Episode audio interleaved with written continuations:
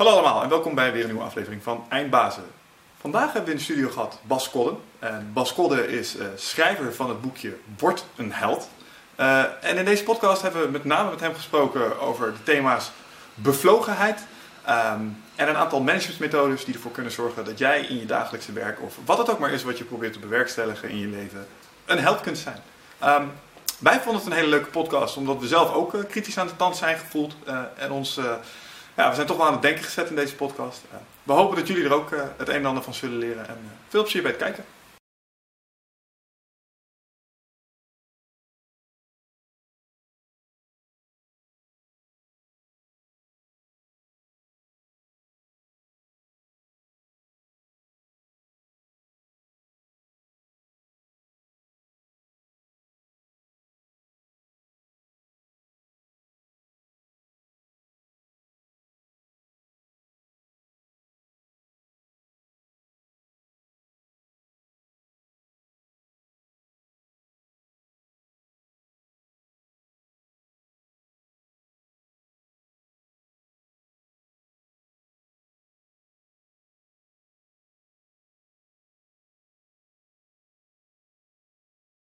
Hallo allemaal en uh, welkom bij weer een nieuwe aflevering van Eindbazen.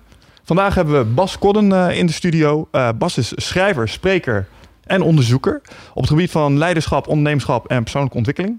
En daarnaast is hij programmadirecteur op Nijenrode Business University. En hij komt ons vandaag vertellen hoe we een held kunnen worden. Bas, welkom. Dank, dank jongens. Ja, leuk dat je er bent. Graag gedaan. Helemaal weer naar het oosten afgereisd. Altijd. Voelt als thuiskomen voor jou, begreep ik net absoluut, al. Absoluut, absoluut. Leuk. Um, Bas, um, ik ben jou op het spoor gekomen door uh, een boekje dat jij hebt geschreven. Uh, waarin jij schrijft over een aantal thema's die mij ongelooflijk fascineren. Dat boekje is um, Hoe word ik een held? En uh, daarin schrijf jij onder andere over een stukje passie en bevlogenheid. Klopt dat? Klopt helemaal. Zou je iets meer kunnen vertellen over over de thema's. En, uh, want er zaten meer dingen in. Ik, ik, las ook spannende dingen over een tien stappenplan voor ondernemers en dat soort dingen. Nou, het zijn onderwerpen die uh, fascineren wichten mij vanuit uh, de dingen die we zelf ondernemen natuurlijk ook omzetten. Dus kun je er iets over vertellen?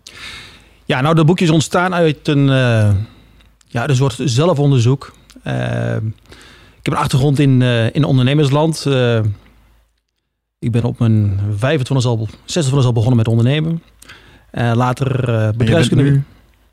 Qua leeftijd? Ja. Moet het gezegd worden? Uh, nou, nee, niet per se. Maar hoeveel jaar ondernemerservaring heb je inmiddels? Inmiddels uh, dan bij jaar, 20 jaar zo. Wauw, ja, oké, check. Met uh, vele personeelsleden, diverse vestigingen in Nederland opgestart. Maar ook eigenlijk altijd geïnteresseerd gebleven in ja, academische zelfontwikkeling. Mm -hmm. Om mijn onderneming beter te maken. Ja. En waar ondernam je in? Wat deed je? Ik uh, ben van huis uit een jurist. Okay. En heb nou uh, in 1998 een detacheringsbureau voor uh, bankiers en juristen opgestart. I see. Mm. En toen ben je door het klappen van de zweep en schade en schande ben je wijzer geworden over ja, het ondernemerschap. Ja, precies. je maakt van alles mee. Ja. Wat zijn daar een paar prangende dingen geweest waarvan je dacht van oké, okay, hier moeten we iets mee? Ja, goed. Het boekje komen diverse zaken naar voren de meest ludieke en leuke dingen, die, uh, die blijf je het meeste bij. Nou, wat, ik, mhm. wat ik het leukst heb gevonden, uh, is bijvoorbeeld een, een radiospotje bij, uh, bij Edwin Evers. Met mijn maatjes René Eikelkamp en, en Erbe Willemars. Mm Een spotje dat ik samen met mijn dame zelf heb verzonnen. Die we tot drie uur s'nachts zelf hebben beoefend. Mm. Om het maar in die 30 seconden voor elkaar te maken.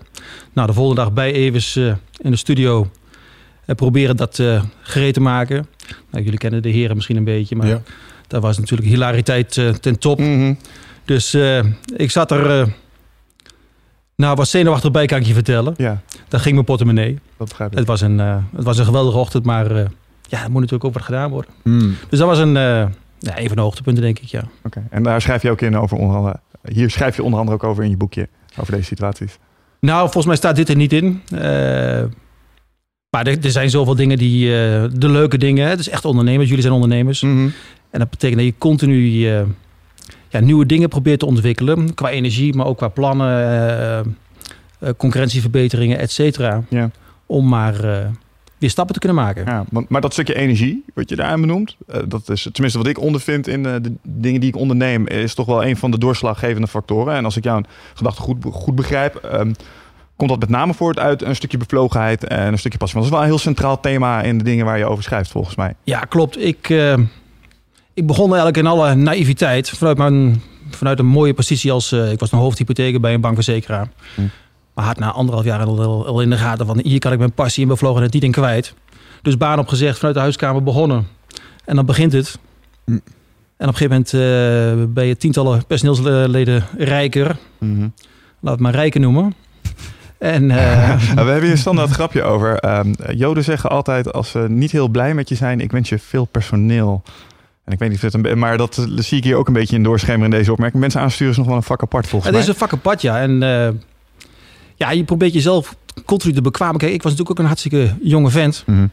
Uh, 7, 28 jaar en dan uh, verantwoordelijk zijn voor zoveel, eigenlijk al gezinnen. Sommige mensen hadden al een gezin en hypotheken. En je gaat verplichtingen aan die, die drukken. Daar ben je dag en nacht mee bezig. Ja. En er, er rust een grote verantwoordelijkheid op je van oké, okay, en morgen en overmorgen en volgende maand. En, ja, heb je die heel erg gevoeld als baas? Ja, ja, ja, ja? zeker, zeker. Zeker toen het uh, dermate uit de hand liep dat we meerdere vestigingen in het land hadden. Uh, ja, nou, tientallen personeelsleden. Ja. Um, ja, dan voel je elke nacht. Op een gegeven moment had ik een break-even van, van 150.000 euro per maand. Ja. Van potverdorie. Ja. En volgende maand dan. Ja, dat snap ik. Dan moet je alleen de kosten nog goed maken. En hè, laat staan dat je dan nog een keer wat aan over... Onderdrukte dat niet, niet enorm je plezier in? Nee, ik was uh, gelukkig zo naïef dat ik uh, vol energie in, uh, in die pool ben, ben gedoken. Maar onder wel, wel bedacht. Maar weet je, je bent al juridisch onderlegd. Mm-hmm. Maar bedrijfskundig, ja, ik vond mezelf uiteindelijk veel te zwak. En sommige dingen lukten mij gewoon niet. Dus ik was op zoek naar, naar handvatten. Mm-hmm.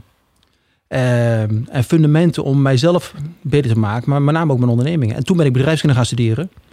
En terwijl ik voor het juridische, nou, daar had ik absoluut geen gevoel voor. Nee. Ik denk dat ik de slechtste fiscalist van Nederland was. Uh, in die tijd dat ik nog eventjes als uh, jurist heb gewerkt. Ja. Maar bedrijfskunde vond ik geweldig. Want wat waren typisch dingen die je probeerde op te lossen door bedrijfskunde te gaan doen? Wat, wat waren problemen waar je tegenaan liep van... Oh, hier, merk ik uit dat ik bedrijfskundig zwak ben?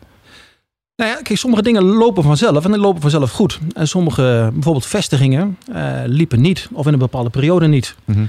Ja, dan zit je te kijken van, joh, heeft het te maken met de regio? Heeft het te maken met de economische toestand in die... Uh, in het werkgebied waarin die consultants dan werkzaam zijn. Ja. En waarom lukt het me niet om, die, uh, om dat team weer uh, op de rit te krijgen? Mm-hmm. Terwijl op andere vestigingen, waar ik veel minder energie en tijd aan besteedde, ging het wel vanzelf.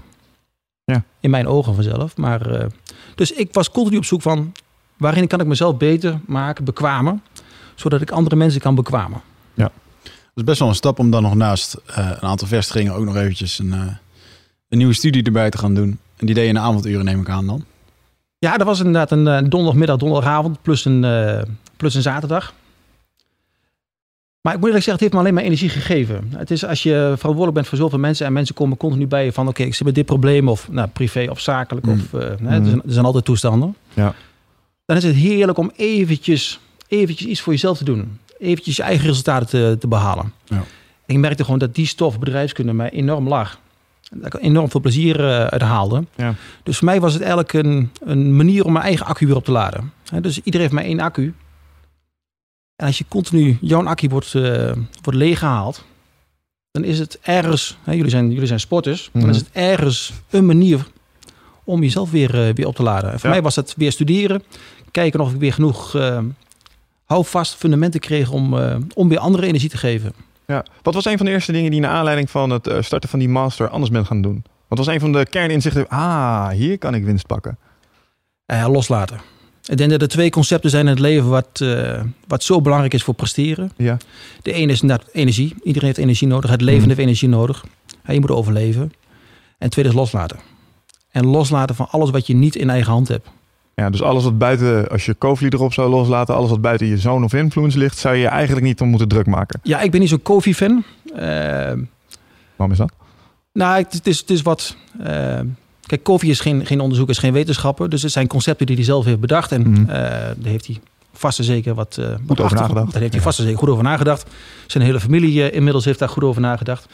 Maar ik hou van, eh, van bewezen concepten. Mhm. Dus waaruit kun je achterhalen dat het ook echt werkt. Kijk, de circle of influence. Iedereen weet wel intuïtief.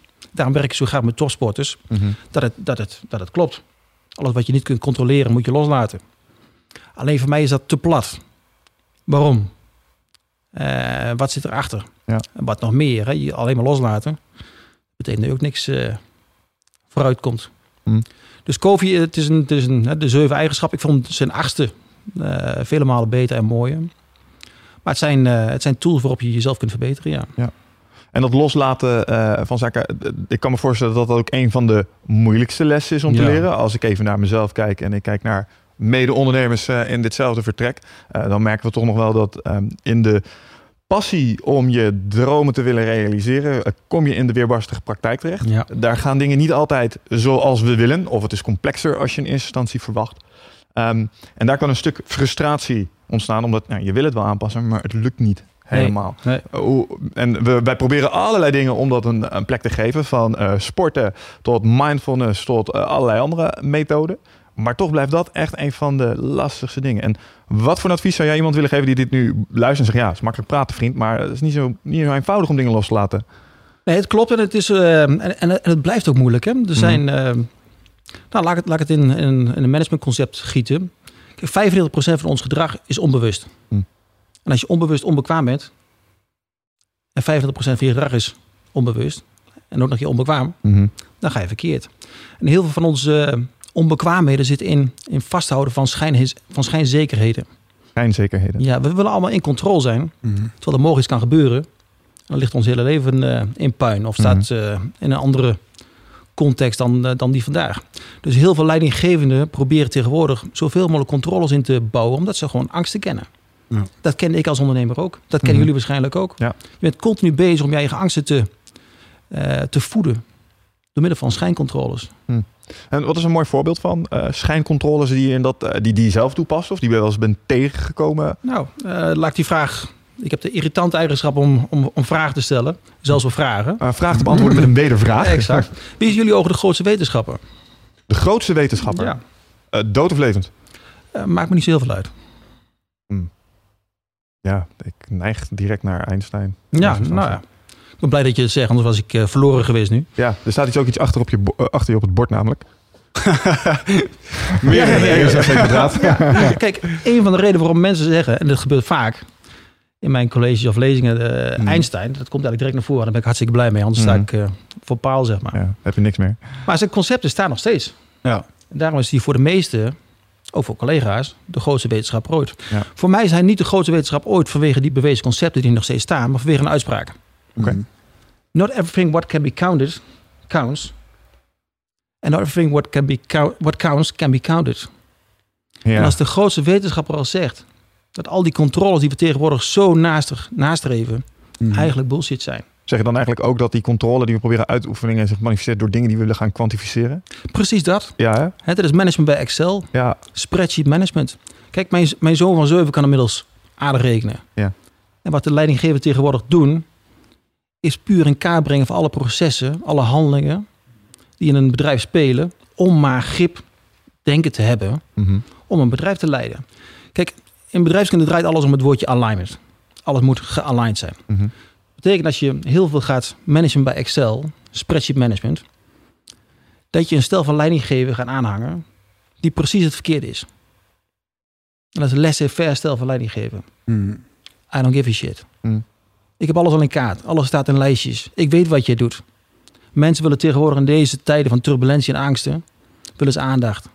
Mhm. En als jij dat probeert jouw angsten te controleren door middel van Excel-lijstjes, dan geef je juist dat niet wat ze nodig hebben. Mhm. Dus je eigen angsten probeer je te voeden of probeer je te drukken door middel van nou, het inhaleren van schijncontroles. Ja, maar eh, eh, ik snap dat deels. Ehm, ik, ik kan hem ook deels aantrekken, want ik ben nogal neurotisch van eh, lijstjes bijhouden en dat soort dingen. Niet noodzakelijk in Excel, maar het taaklijstje en dat soort dingen. Zou eigenlijk hier ook op te betrekken zijn. Alleen als ik dan kijk naar ehm, de reden waarom dat ooit is ontstaan. Ik ben een fanatiek eh, Getting Things Done'er. Hè, GTD, dat is Ja, heel ja. systematisch. Eh, dat is ontstaan uit ehm, nou ja, een aantal keren flink aan mijn bek gaan. Omdat je er tegenkomt dat eh, situaties... Bijvoorbeeld waarom zou ik eh, team genoten en willen managen. Nou, omdat ik al een paar keer heb meegemaakt, als ik vanuit ga dat wat voor mij vanzelfsprekend is, dat ook Mhm. voor een ander is, Mhm. dat ik van een koude kermis thuis kom en ik mijn deadlines, successen of wat het ook maar is, dus niet Mhm. haal. Dus wat ga ik doen? Ik ga lijstjes maken en ik ga dat checken. Ik, ik, ik noem dat de drie C's eh stijl van leiding geven. Je, dus je probeert te controleren. Je gaat op een gegeven moment communiceren en je gaat met name commanderen. Je gaat proberen dingen voor elkaar te krijgen om jouw controledrift Mm. te, in te vullen. En ieder die ooit met mij gewerkt heeft, die zit nu, ja, die laatste is zeer Ja. relevant. Nou, ik heb het zelf ook allemaal fout gedaan. Hè? Ja. Dus in tijden van, van extreme turbulentie, ik ben door middel, ik ben een aantal keren door die fases heen gegaan omdat het echt, echt niet goed liep. Mhm. Dan probeer je je eigen angsten te, ja, te voeden door middel van, van schijncontroles. Dus bij mij moesten ze ook allerlei weekschema's invullen. En dan bedacht ik me, nou, nou dit moet een, moet een aardige maand gaan worden. Of ik zie het aankomen, dit wordt een, wordt een drama maand. Ik merkte in tijden van eh, extreme turbulentie dat die lijstjes ook niet meer werkten. De confessies klopten niet meer. Kijk, ik leg het in mijn colleges wel eens uit. Eh, en er zitten vaak ondernemers eh, tussen, of in ieder geval executives. Ehm, dat je, eigen, je maakt je eigen organisaties kapot. Hey, ik, ik begin al meestal met een fusieuze cirkel. Mhm. En dan vraag ik altijd van, leven we in een tijd van, van weinig of veel turbulentie momenteel?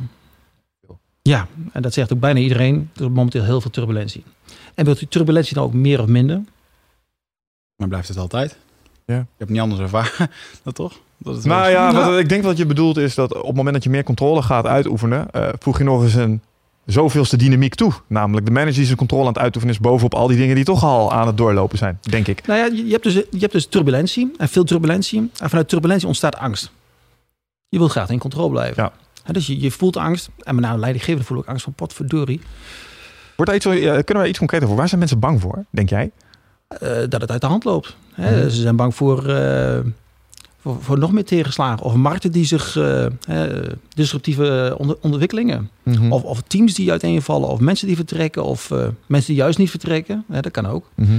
Maar mensen willen in controle blijven. In tijden van turbulentie ervaar je het gevoel van out of control zijn. Mhm. En wat gaan dan de meeste leidinggevenden doen?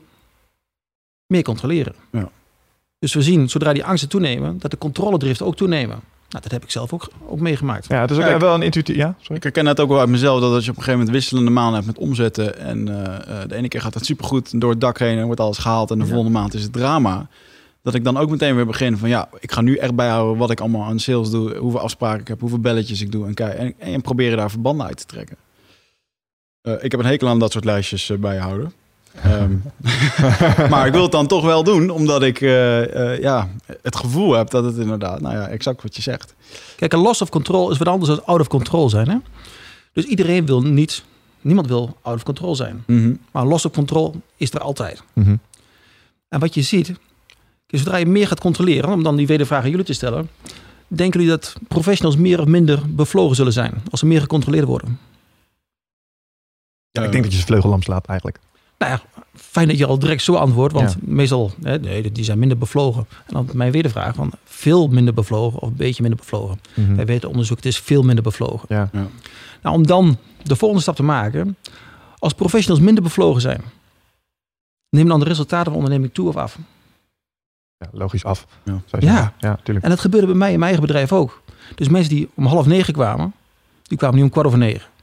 Omdat ze zo'n fuck you mentaliteit begonnen Ah, te weet je, krijgen. Ja. Waarom doe ik dit eigenlijk? Ja. Ik heb er geen plezier meer in. Ja. Het enige wat ik moet doen is lijstjes invullen. Nou, dat gebeurt vandaag de dag steeds meer en steeds meer. En om een paar, paar, paar getallen te noemen.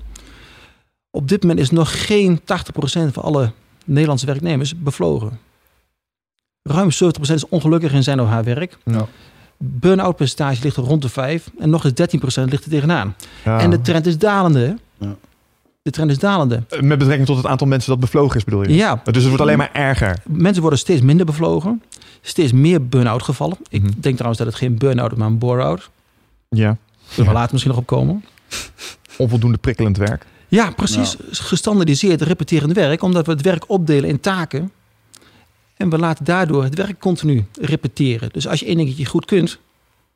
Nou, doe dat maar. En dan hou ik wel bij hoe vaak je dat gedaan hebt per uur. En hoe vaak je dat dan moet doen per dag. En hoeveel centjes we daarvoor krijgen. Ja, exact, precies. exact. Ja.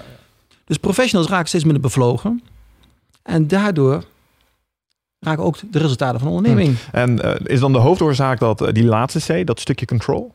Denk je? Ja, maar ik denk dat we, dat we het even af moeten maken. Mhm. Dus resultaten van de onderneming die dalen.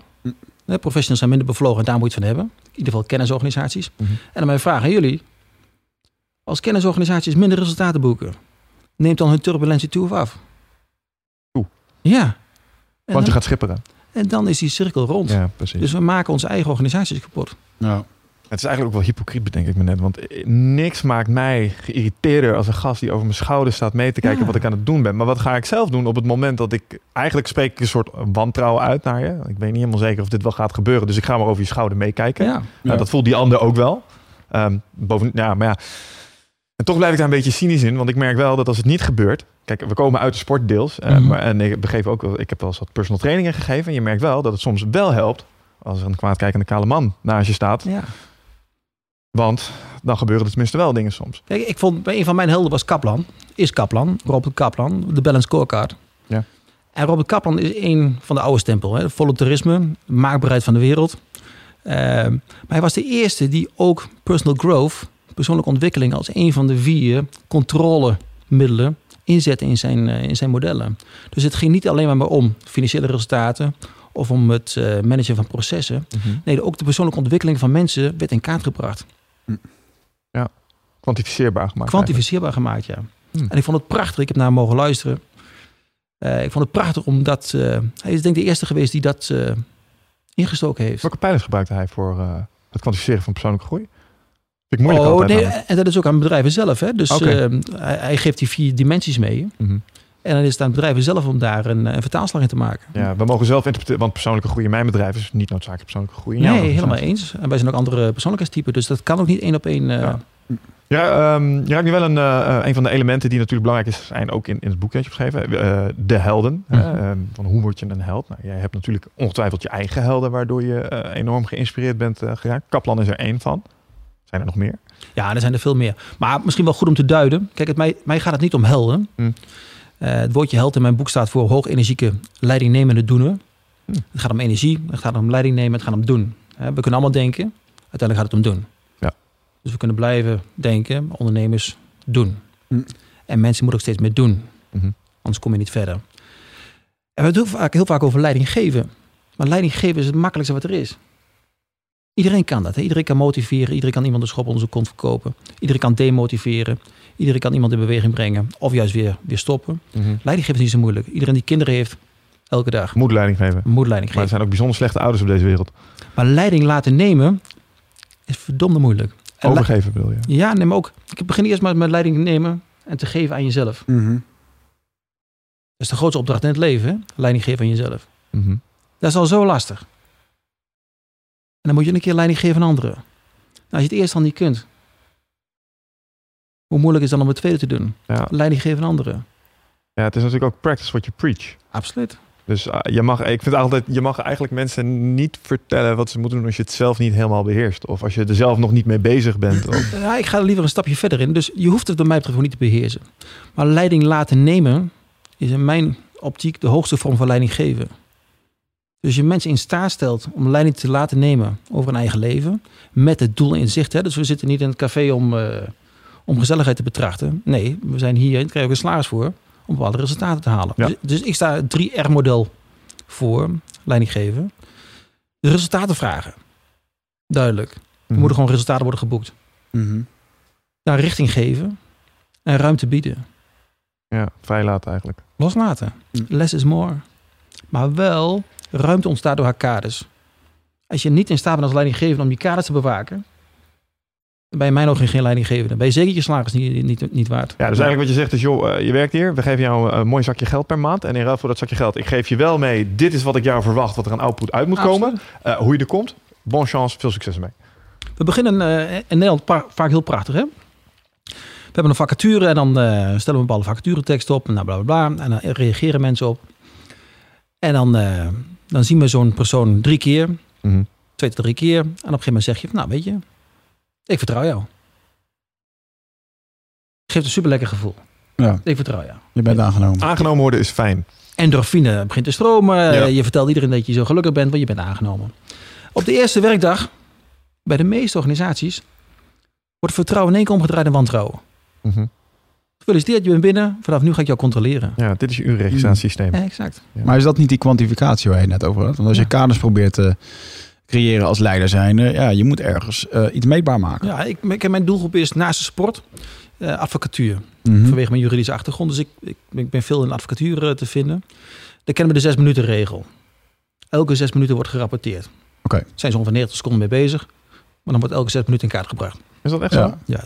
Ja, dat is dan ook een beetje de reden waarom mijn advocatenrekening bijna 10.000 euro was. Ja, dat genereert wel overhead mee. Voor elk telefoontje en voor elk klote dingetje werd iets kijk, geregistreerd. Maar advocaten, juristen, die zijn eh, creatief opgeleid. Hè? Dus eh betekent dat je, eh, je je kennisontwikkeling wordt, eh, wordt aangezet. eh, Je wordt vier tot, in mijn geval zelfs zeven jaar, word je gevoed. Hmm. En dan word je geacht om een goede jurist, CQ advocaat eh, te zijn. In alle creativiteit. Want er staat aan de andere kant staat er ook een eh, jurist, CQ advocaat. Mhm. Dus je probeert zaken te winnen op basis van creativiteit en eh, conceptueel denken. Ja, want eh, de creativiteit zal hem zitten in de interpretatie zo uitleggen van bepaalde artikelen Tuurlijk. dat je ermee dat je ergens mee wegkomt of juist niet mee wegkomt. Ja, kijk, als de zaak simpel is, dan is het per definitie geen rechtszaak eh Ja, geworden. nou ja, voor iemand die geen jurist is, maar wel eens een keer ondernemersrecht heeft moeten of internationaal contractrecht, Mhm. is het allemaal re- redelijk droge materie. Ja, Ja. hier valt geen spel tussen te krijgen. Maar de creativiteit zit hem dus in die spelden ertussen krijgen.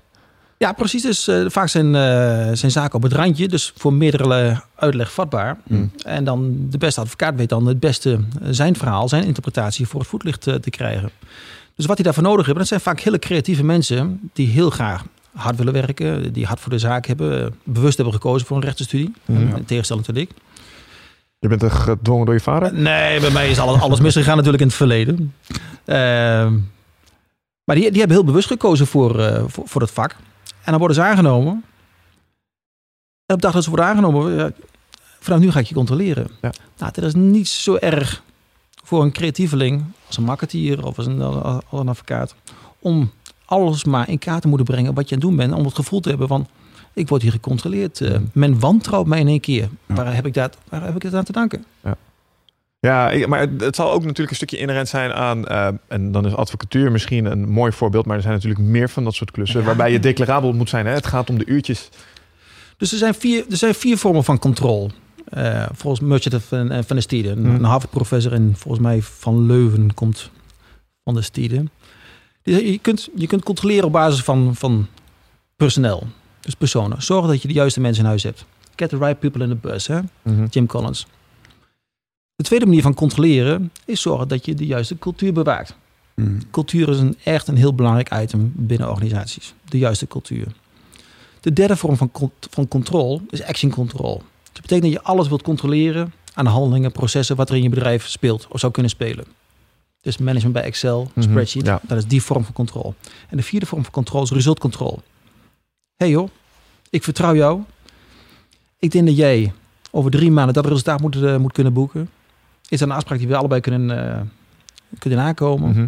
Zo nee. Weet je, onderweg, eh, mijn deur staat open. Je bent eh, welkom om eh, coaching te krijgen, feedback, et cetera. Mhm. Maar over drie maanden wacht ik dat resultaat weer. Ja. Dat geeft een vertrouwen, dat geeft een impuls aan je bevlogenheid. Ja. hey, ze denken dat ik kan. Ja. De lat ligt hoog. Maar volgens mij moet ik het ook kunnen. En zo'n persoon, zo'n professional. Kijk, iedereen gaat met een goed gevoel naar zijn werk toe. Hè? Iedereen wil er iets van maken. Mhm. Ja, want je had het helemaal aan het begin over ehm, alignment. En dat vond ik heel sterk. Want ehm, wat ik dan vaak zie bij organisaties waar als je het over het cultuuraspect hebt waar het misgaat, is er vaak dat een soort wroeging ontstaat Ja. tussen de koers die enerzijds door topmanagement wordt ingezet en die moet worden uitgevoerd door de werkvloer. En eh, mijn stelling is dan altijd, wat je wil, is je wil die mensen die het moeten doen, hun doelen, hun persoonlijke ambities, als die nou eens uitgelijnd zouden kunnen raken met die van jouw organisatie. Ja. Volgens mij heb je dan een troep mensen die allemaal voor hun eigen wortel aan het rennen zijn, terwijl ze ook ondertussen voor jou een wortel aan het rennen Ja. zijn en waar iedereen dus beter van wordt. En dan krijg je synergie. Maar het is zo lastig. Kijk, uh, Mathieu Wegeman, de professor van TU Eindhoven, heeft daar een heel mooi eh, concept. eh, dus sommige dingen zijn gewoon heel simpel. B-filtjesachtig. Die heeft het over shared values. Hè. Je hebt je personal values. Je hebt je organizational values. En als die twee overlappen, dan heb je shared values. Ja. Hmm. Dus zo moeilijk is het niet. Het punt is dat we op een gegeven moment door die turbulentie die we ervaren, meer gaan controleren. En omdat we meer gaan controleren, gaat die bevlogenheid omlaag. Krijgen we steeds meer het gevoel van wij en zij. Mhm. Ja, exact. En dan die shared values, die raken steeds verder op elkaar. eh, Ja, en wat je vaak ziet natuurlijk als de turbulentie toeneemt, is dat de tijd en moeite die shared values ontdekken bij elkaar kost, dat is natuurlijk een ondergeschoven kindje. Want Ja. de eerste doelstelling die we hebben is natuurlijk om weer zwarte cijfers eh, te gaan organiseren Ja, met elkaar. Precies. Hm. Dus we maken onze eigen organisaties kapot. En daarom werk ik, ik werk heel graag met topsporters, met, met, met topcoaches. Ja. En jullie zijn twee topsporters, dus ik vond het een, eh, een eer om hier vandaag eh, te worden uitgenodigd. Ook om jullie een aantal vragen te kunnen stellen. Wat doet een topsporter onder extreme druk anders dan een CEO? Ligt aan welke sport die doet. Ja, ik denk dat een, eh, eh, het persoonlijk falen van een topsporter veel meer eh, vooraan staat. Dus op het moment dat jij, dat jij het moet doen en eh, alles op staat met wat jij doet. En ik denk dat een CEO eh, zich ergens kan verschuilen. Nou, verschuilen. Kijk, zeker de grote CEO's, die kunnen ze niet verschuilen. Die komen met, met name en toename. hè. Mhm. Imtech is nu net aan, aan de hand. Dus Ja. je kunt je niet meer verschuilen. Die mannen komen uiteindelijk voor de als het echt misgaat. uiteindelijk. Tribal media is eh, volop aan de gang. Ja. Mhm. Maar wat ik mooi vind aan, aan topsporters, bijvoorbeeld Mark Tuiten zit met mijn, eh, in, mijn, in mijn groep. En ik ben opgegroeid met Erwin, en, eh Erwin Wennemars en eh René Eikelkamp. Hm. Wat sporters extreem goed kunnen, en ze hebben allemaal last van angst, hè? extreme angsten. Die jongens staan onder een, eh onder een kaastolp en ze worden bekeken en die hebben extreme angsten. Mhm. Maar wat een topsporter anders kan en doet, als hij wil winnen, loslaten. Ja. Op het extreme moment, hè, Mark Tuitens voerde dat een paar weken geleden prachtig. Die heeft natuurlijk heel veel dingen niet gewonnen. De meeste topsporters verliezen meer dan dat ze winnen.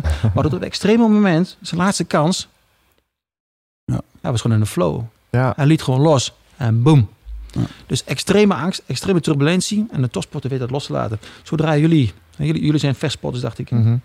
Zodra jullie in de kooi stonden, dan kun je getraind hebben wat je wil. Maar je moet het op basis van intuïtie moet moet gaan doen. Ja, ja, dat is heel grappig. Dat is echt zo'n geëikte vechtsport-uitspraak. Ehm, iedereen die een wedstrijd gaat knokken, heeft een plan totdat hij geraakt wordt. Ja, en dan ga je over op wat je altijd doet. Dan ga je reageren. En, Ja. Nou, ik heb het nog wel eens. eh, dat, ik heb veel wedstrijden gedraaid en dan heb je wel veel. eh, soms heb je ook een toernooivorm dat je hè, nog een keer voor een tweede of derde plek eh, moet, of voor een derde plek.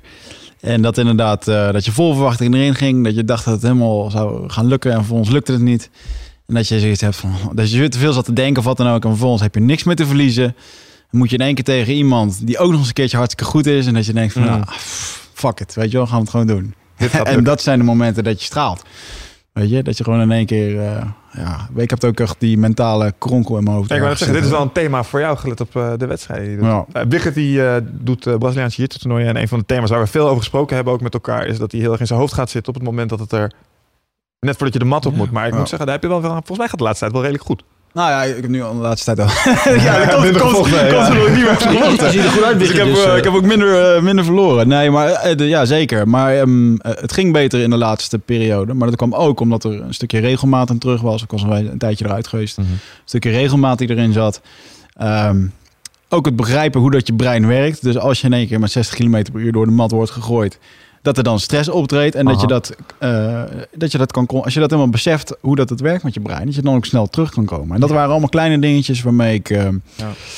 ja. eigenlijk wel eh, in een goede flow zat. En eigenlijk ben ik, eh, toen zat ik nog niet helemaal het mediteren. Dat doe ik nu al 's ochtends en 's avonds. En ik kan daar nu echt heel relaxed van worden. Ehm, dus ik ben benieuwd. Ik probeer na september weer een, een, een competitiejaar eraan vast te plakken. Of twee jaar eigenlijk wel. En ehm, ja, dan ben ik benieuwd om al dat soort dingen weer eens eh, toe te gaan passen. Eh, en ik merk ook naarmate ik ouder word dat ik makkelijker dingen kan loslaten. Ik, want vroeger was ik heel veel aan het knokken voor wat anderen ervan vonden. Mhm.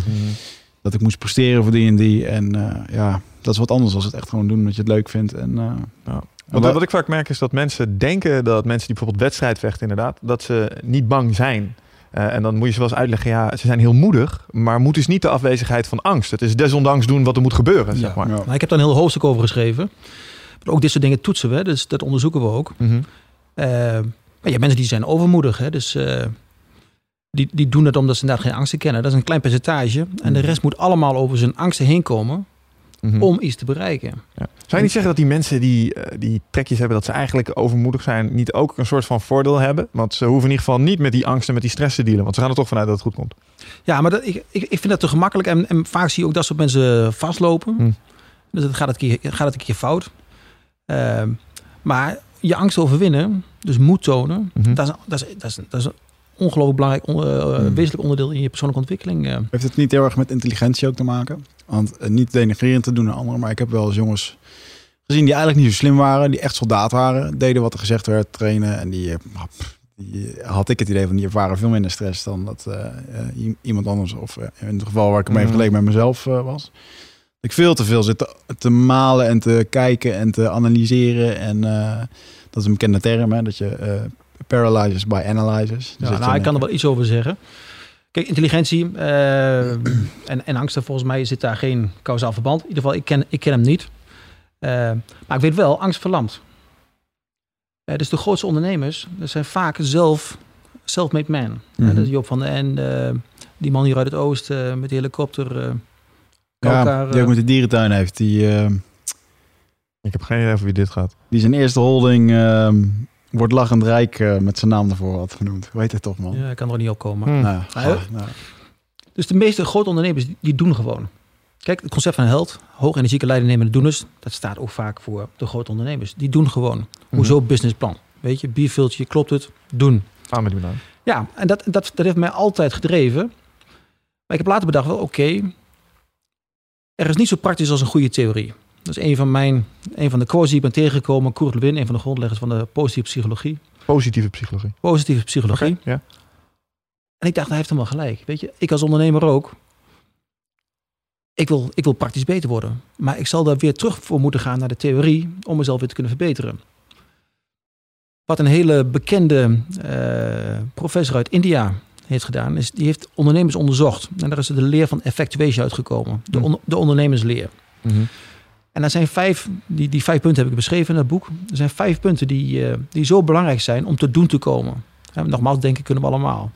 En één is gewoon bird in the hand principe. Kijk wat je nu hebt. Wat heb je allemaal al? Aan kennis, maar aan doelgroep, aan netwerk, aan, aan middelen, aan tijd, et cetera. Om gewoon morgen te doen. Mhm. Houd op. Wat zijn de randvoorwaarden die me tegenhouden? Ja, geen. Dus. Nee. Maar wat is er dan toch in mensen dat ze... Maar dat zijn vaak ook een beetje... ehm Birgit was laatst bij een eh, meneer Elliot Huls. En eh, die heeft een aantal heel mooi, eh mooi concepten. Hij zegt, je hebt een soort van zelf opgelegde mentale beperkingen. Een soort Ja. mental prison die je voor jezelf maakt.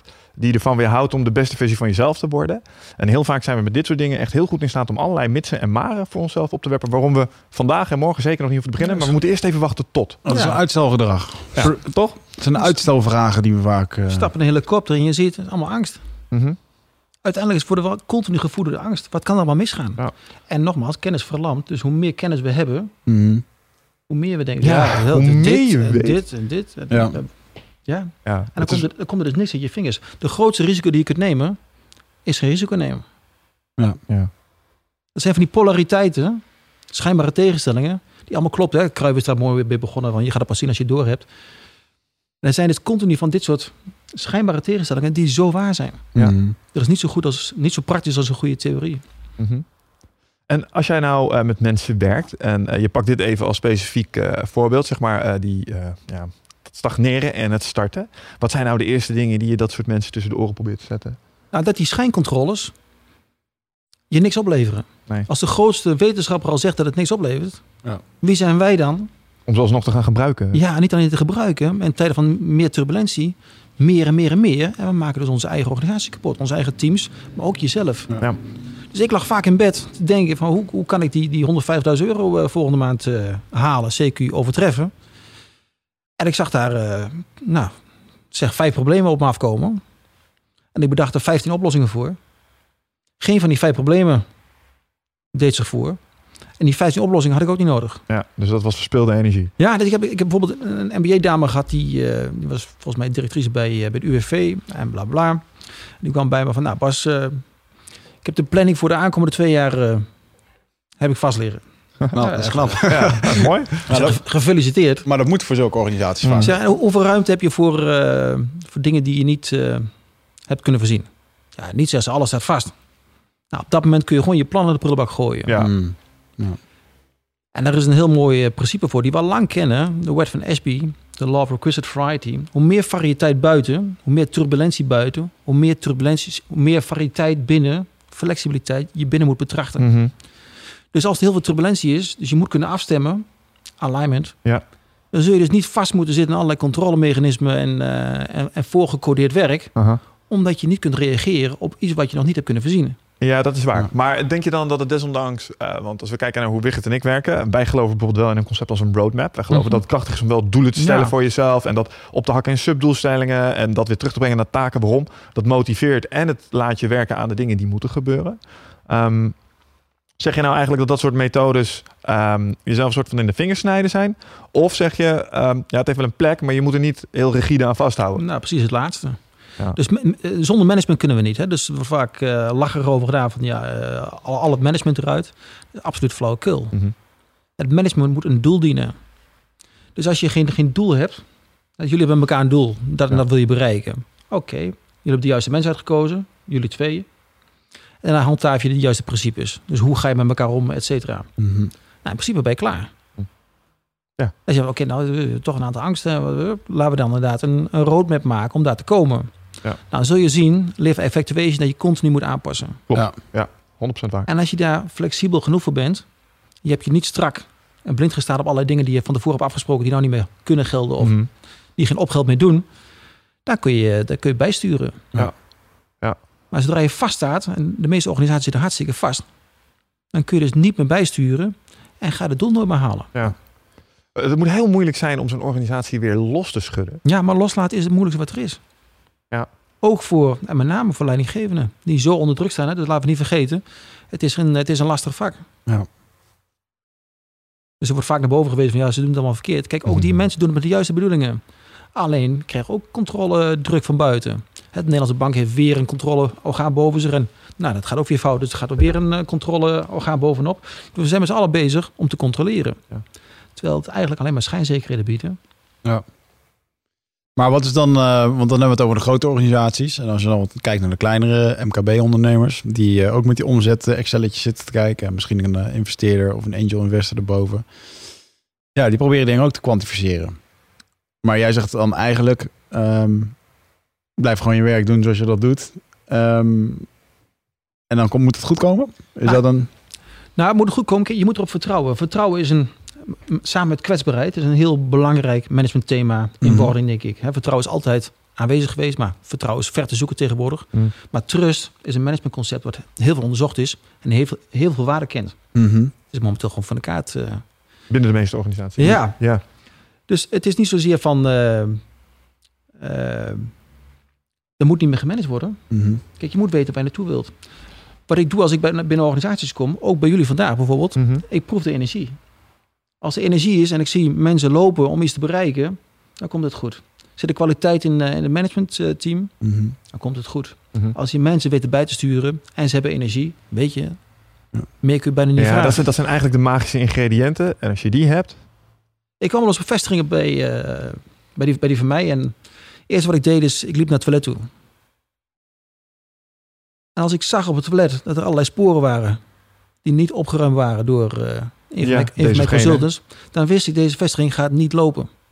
En dan kunnen ze me nog zoveel cijfers dat kon geven. je zien aan de remsporen in de toiletpot. Nou, of, of, of het gespetter, om het maar plat te zeggen, Ja. eh, bu- buiten de pot. Laten we even plastisch worden. Maar als, als dat al niet in orde is, Mhm. waar is dan het klantgericht denken? Als je ineens bekijkt, wij moesten het hebben van klanten die op bezoek kwamen, hè, kandidaten die eh, op zoek waren naar een nieuwe job. Maar als je ineens het fatsoen hebt om, je- om, je, om je toilet dus schoon te, Mhm. te houden, Mhm. ja, wat, wat moet er dan nog volgen?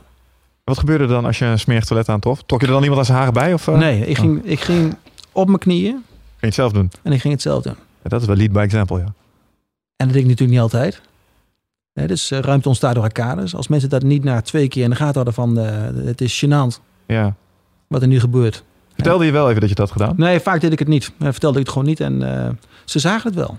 Hey. Dus de, Dus blijkbaar was het je wel opgevallen dat het smerig was. Je had er niks aan gedaan, want het valt je wel op nu het schoon is. Iedereen valt het op. Hè? Ja, ja. Iedereen valt het op. En met name, met name klanten natuurlijk.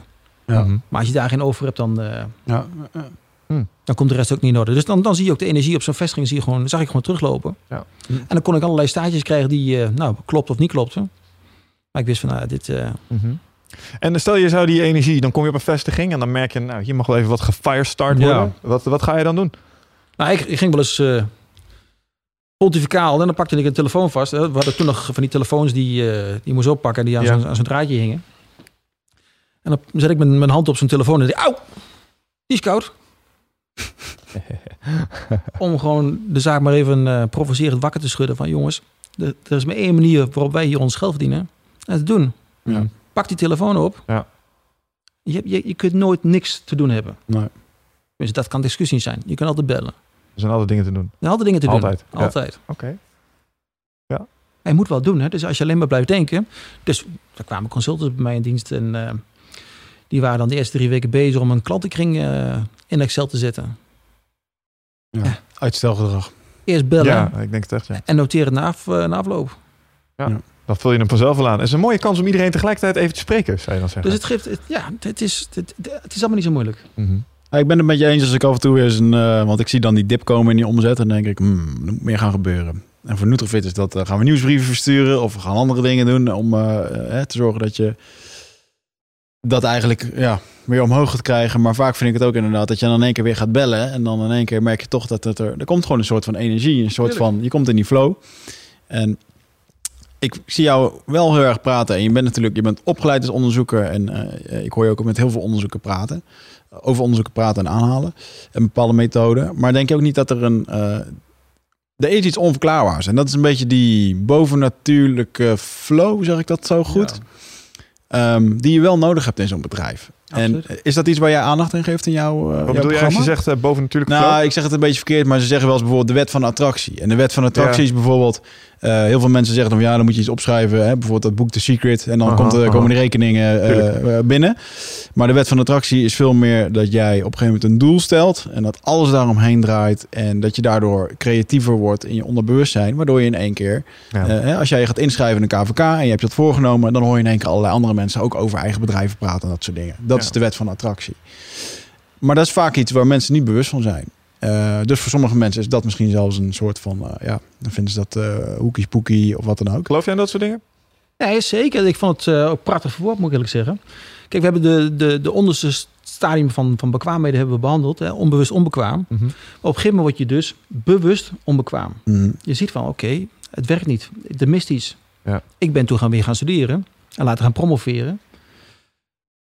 En de theorie van flow is een van de belangrijkste theorieën die ik in zoveel jaren studie heb mee mogen maken. Ja, jij gelooft dus, eh, maar als we het dan hebben over flow, want ik ken, ken flow op twee manieren. Ik ken het als dat gevoel van momentum waarbij al je projecten die je onderneemt gewoon in elkaar lijken te vallen. Maar ik ken het ook als een mentale staat waarbij ik bepaalde hersengolven Ja, heb, waardoor ik lekker in een concentratieflow kom. En dan wezen komt het op hetzelfde neer. Ja, Dus de sta- een helpt de ander absoluut. Ja, dus ik, ik sta. nou, dus we zitten nu gewoon op een stoel met elkaar te kletsen. Ja. Normaal zou ik sta ik met mijn armen te zwaaien en eh Springen. laat, laat een zaal meedoen eh, om de theorie van flow te duiden. Het kan misschien wel. Wat wil je Mm. doen? We hebben hier wel eens meer achter op ons hoofd zitten eh, masseren en zo om dingen te doen. Dus. Dit, wordt nog opgenomen ook, hè? Ja, ja, zeker. Ja, ja, ja. Ja. La- laten we het maar achterwege houden. Mm. Maar kijk, iedereen die, eh, die bijvoorbeeld hardloopt of die aan duursporten doet, Ja. die heeft met de theorie van flow te maken gehad. Ja. Kijk, zodra je begint met lopen, met hardlopen bijvoorbeeld, de eerste paar meters zijn moeilijk. Weet je, alles doet zeer en je gewrichten moeten op gang komen en je hart moet nog, eh, nou, et cetera. En op een gegeven moment gaat het vanzelf. Dan begint die endorfine begint te stromen. Mhm. En dan kom je op een gegeven moment, als het lekker gaat, ik heb daar wat kilometers voor nodig, dan kom je in, in, in, in, in een- flow terecht. Ja. Ja. Zelfs zo erg, want endorfine die je aanmaakt, die, die, die stilt je pijn. Hè? Dus eh, zodra je nagel mist of et cetera, dan, dan, dan kun je dat mogelijk niet eens voelen. Runners high. Ja, de runner's high, precies dat. En het laatste stukje is ook weer lastig. En zodra je het gedaan hebt, een mooi stukje hard gelopen, dan ben je hartstikke tevreden over jezelf. Dopamine rush. Ja, Ja. De, de dopamine rush. En wat wij vaak doen of niet doen, dus onbewust onbekwaam zijn, Mhm. is dat we niet die eerste meters maken. Dat we niet snappen dat we even moeten ploeteren om in die flow state te komen. Exact. Ja, want boel mensen realiseren niet dat je deze, eh, deze staat met hardlopen, die kun je ook hebben als je aan het werk bent. Helemaal dat. En het is best wel moeilijk tegenwoordig om erin te komen. merk boelbedrijven waar ik kom zijn helemaal niet ingericht om in een goede flow state te komen. Dat komt onder andere de open culturen en de cultuur om elkaar maar te storen wanneer we dat nodig vinden en dat soort dingen. Mhm. Maar je hebt wel eens die staat, dan ben je ehm, s ochtends vroeg, begon je, eerste mailtjes ging een beetje stroef. En op een gegeven moment word je er soort van ingezogen. En op een gegeven moment denk je, ik heb honger en ik heb dorst. En het is drie uur later en het wordt tijd om te gaan lunchen. Mhm. En dan kijk je achter je, jezus, alles is aan de kant. Wat heb ik gedaan allemaal? Ja. En, en als je echt heel ter- actief terugdenkt, wauw, het ging echt als automatisch. Ja. En dat is mooi. Nou, dat, is, dat is bevlogenheid. En dat wordt uitgelegd als eh, vitaliteit, toewijding en absorptievermogen. Eh, en wat je hebt meegemaakt in die flow zijn, dat je helemaal toegewijd was aan je taken. Ja. Dat alles om je heen verdween. En het was zes uur. Ja, wat ik dan het mooist vind, als je dan achteraf kijkt, dat je dan naar een paar van die taken kijkt. Waarom liep ik hier drie weken over te piepen in mijn hoofd? Het stelde geen reet voor. Waarom heb Hmm. ik zo zitten mekkeren om dit te doen? Omdat je het niet Ja. leuk vond. Ja, omdat je dacht dat het pijn ging doen, maar het viel eigenlijk wel mee. Je had, de pijn in je hoofd was erger dan dat het eigenlijk was. Nou, dat is het ene hoogste stadium van, van bekwaamheden. Je bent op een gegeven moment bewust bekwaam geworden. Je hebt gezien dat het grootste risico van wat je kunt nemen is niks doen. Mhm. Geen risico nemen. Ja. Je bent gaan doen en achteraf stelt het niks voor. Kijk, onze, onze menselijk lichaam, Mhm. eh, geest, die, die houdt het voor de gek.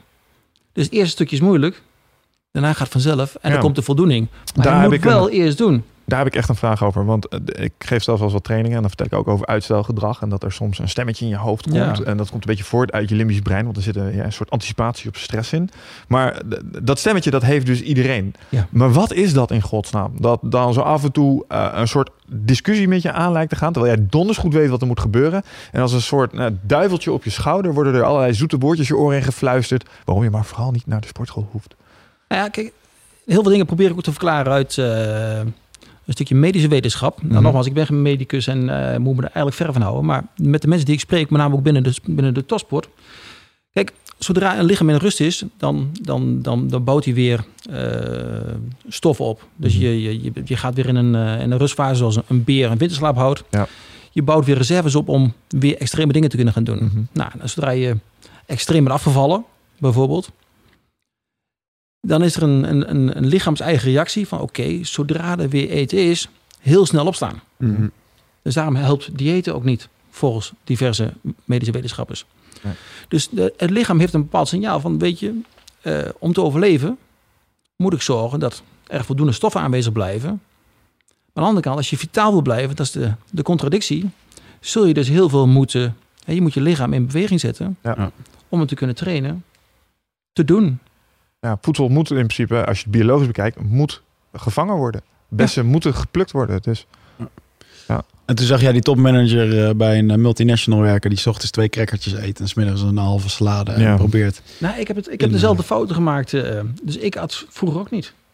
Mm. En dan was ik de. eh, Ik ging vol nou, enthousiasme mijn werk in. En uh, dat kon niet snel genoeg beginnen. Maar om 11 uur was ik kapot. Ja. ja, En dan, dan, dan at ik een half brood op met allerlei eh, lekkere dingen erop. eh, met allerlei collega's. En toen hartstikke gezellig. En om half één had ik de volgende energiedip te pakken. Ja. Want je hebt zoveel glucose binnengekregen. Dat moet allemaal weer verwerkt worden. En- dat kost ook energie. Ja. dat kan een deuk in je enthousiasme slaan. Ja, dat is, je bent continu bezig. En dat doen we met kinderen ook.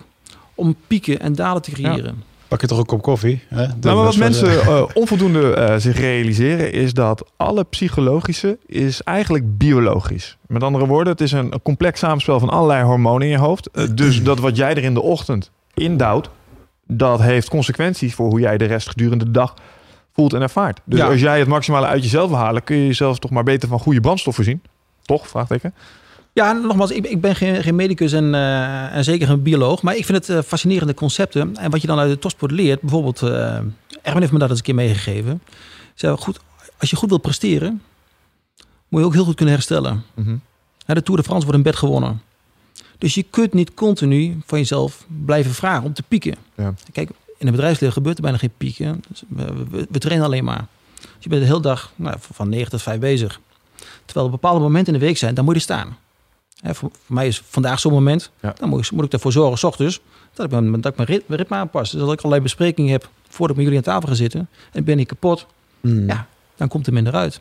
Mhm. Dus als je bewust bekwaam bezig bent met wanneer zijn mijn piekmomenten, wanneer moet ik nu echt staan, wanneer kan het wat minder, Ja. wanneer moet ik herstellen, om daarna weer te kunnen verbeteren. Ik vind dat herstel, dat vind ik echt dat vind ik heel krachtig dat je dat, eh, dat je dat zegt. En dat zit hem in het volgende. Eh, vanuit de sport weten we natuurlijk over eh, adaptatie, periodisering, je rustmomenten pakken. En wat ik zo grappig vind is dat we dat allemaal voor een training vinden we dat heel logisch. Als ik jou drie keer per week laat trainen, ik zeg joh, maandag, woensdag, vrijdag, maar de dinsdag, donderdag, de zaterdag en zondag gewoon lekker rust. Snapt iedereen. Ja. Maar als ik je hetzelfde uitleg voor je mentale werk, wat ook een soort spierbal is, dan gaat iedereen een beetje glazig zitten aankijken. Ja, maar het hoort toch dat je gewoon ja, dat snap ik wel. Maar je moet wel heel consciëntieus omgaan met je energieniveau. Sommige dingen moet je niet doen als je in een bepaalde nou ja, mindstate bent of een bepaald Nee. energieniveau hebt. Ja, dat snap ik heel En goed. nogmaals, kijk, 95% van ons gedrag is onbewust. Hmm. Dus ik als ondernemer, ik deed ook maar wat. Achteraf. Je reageert.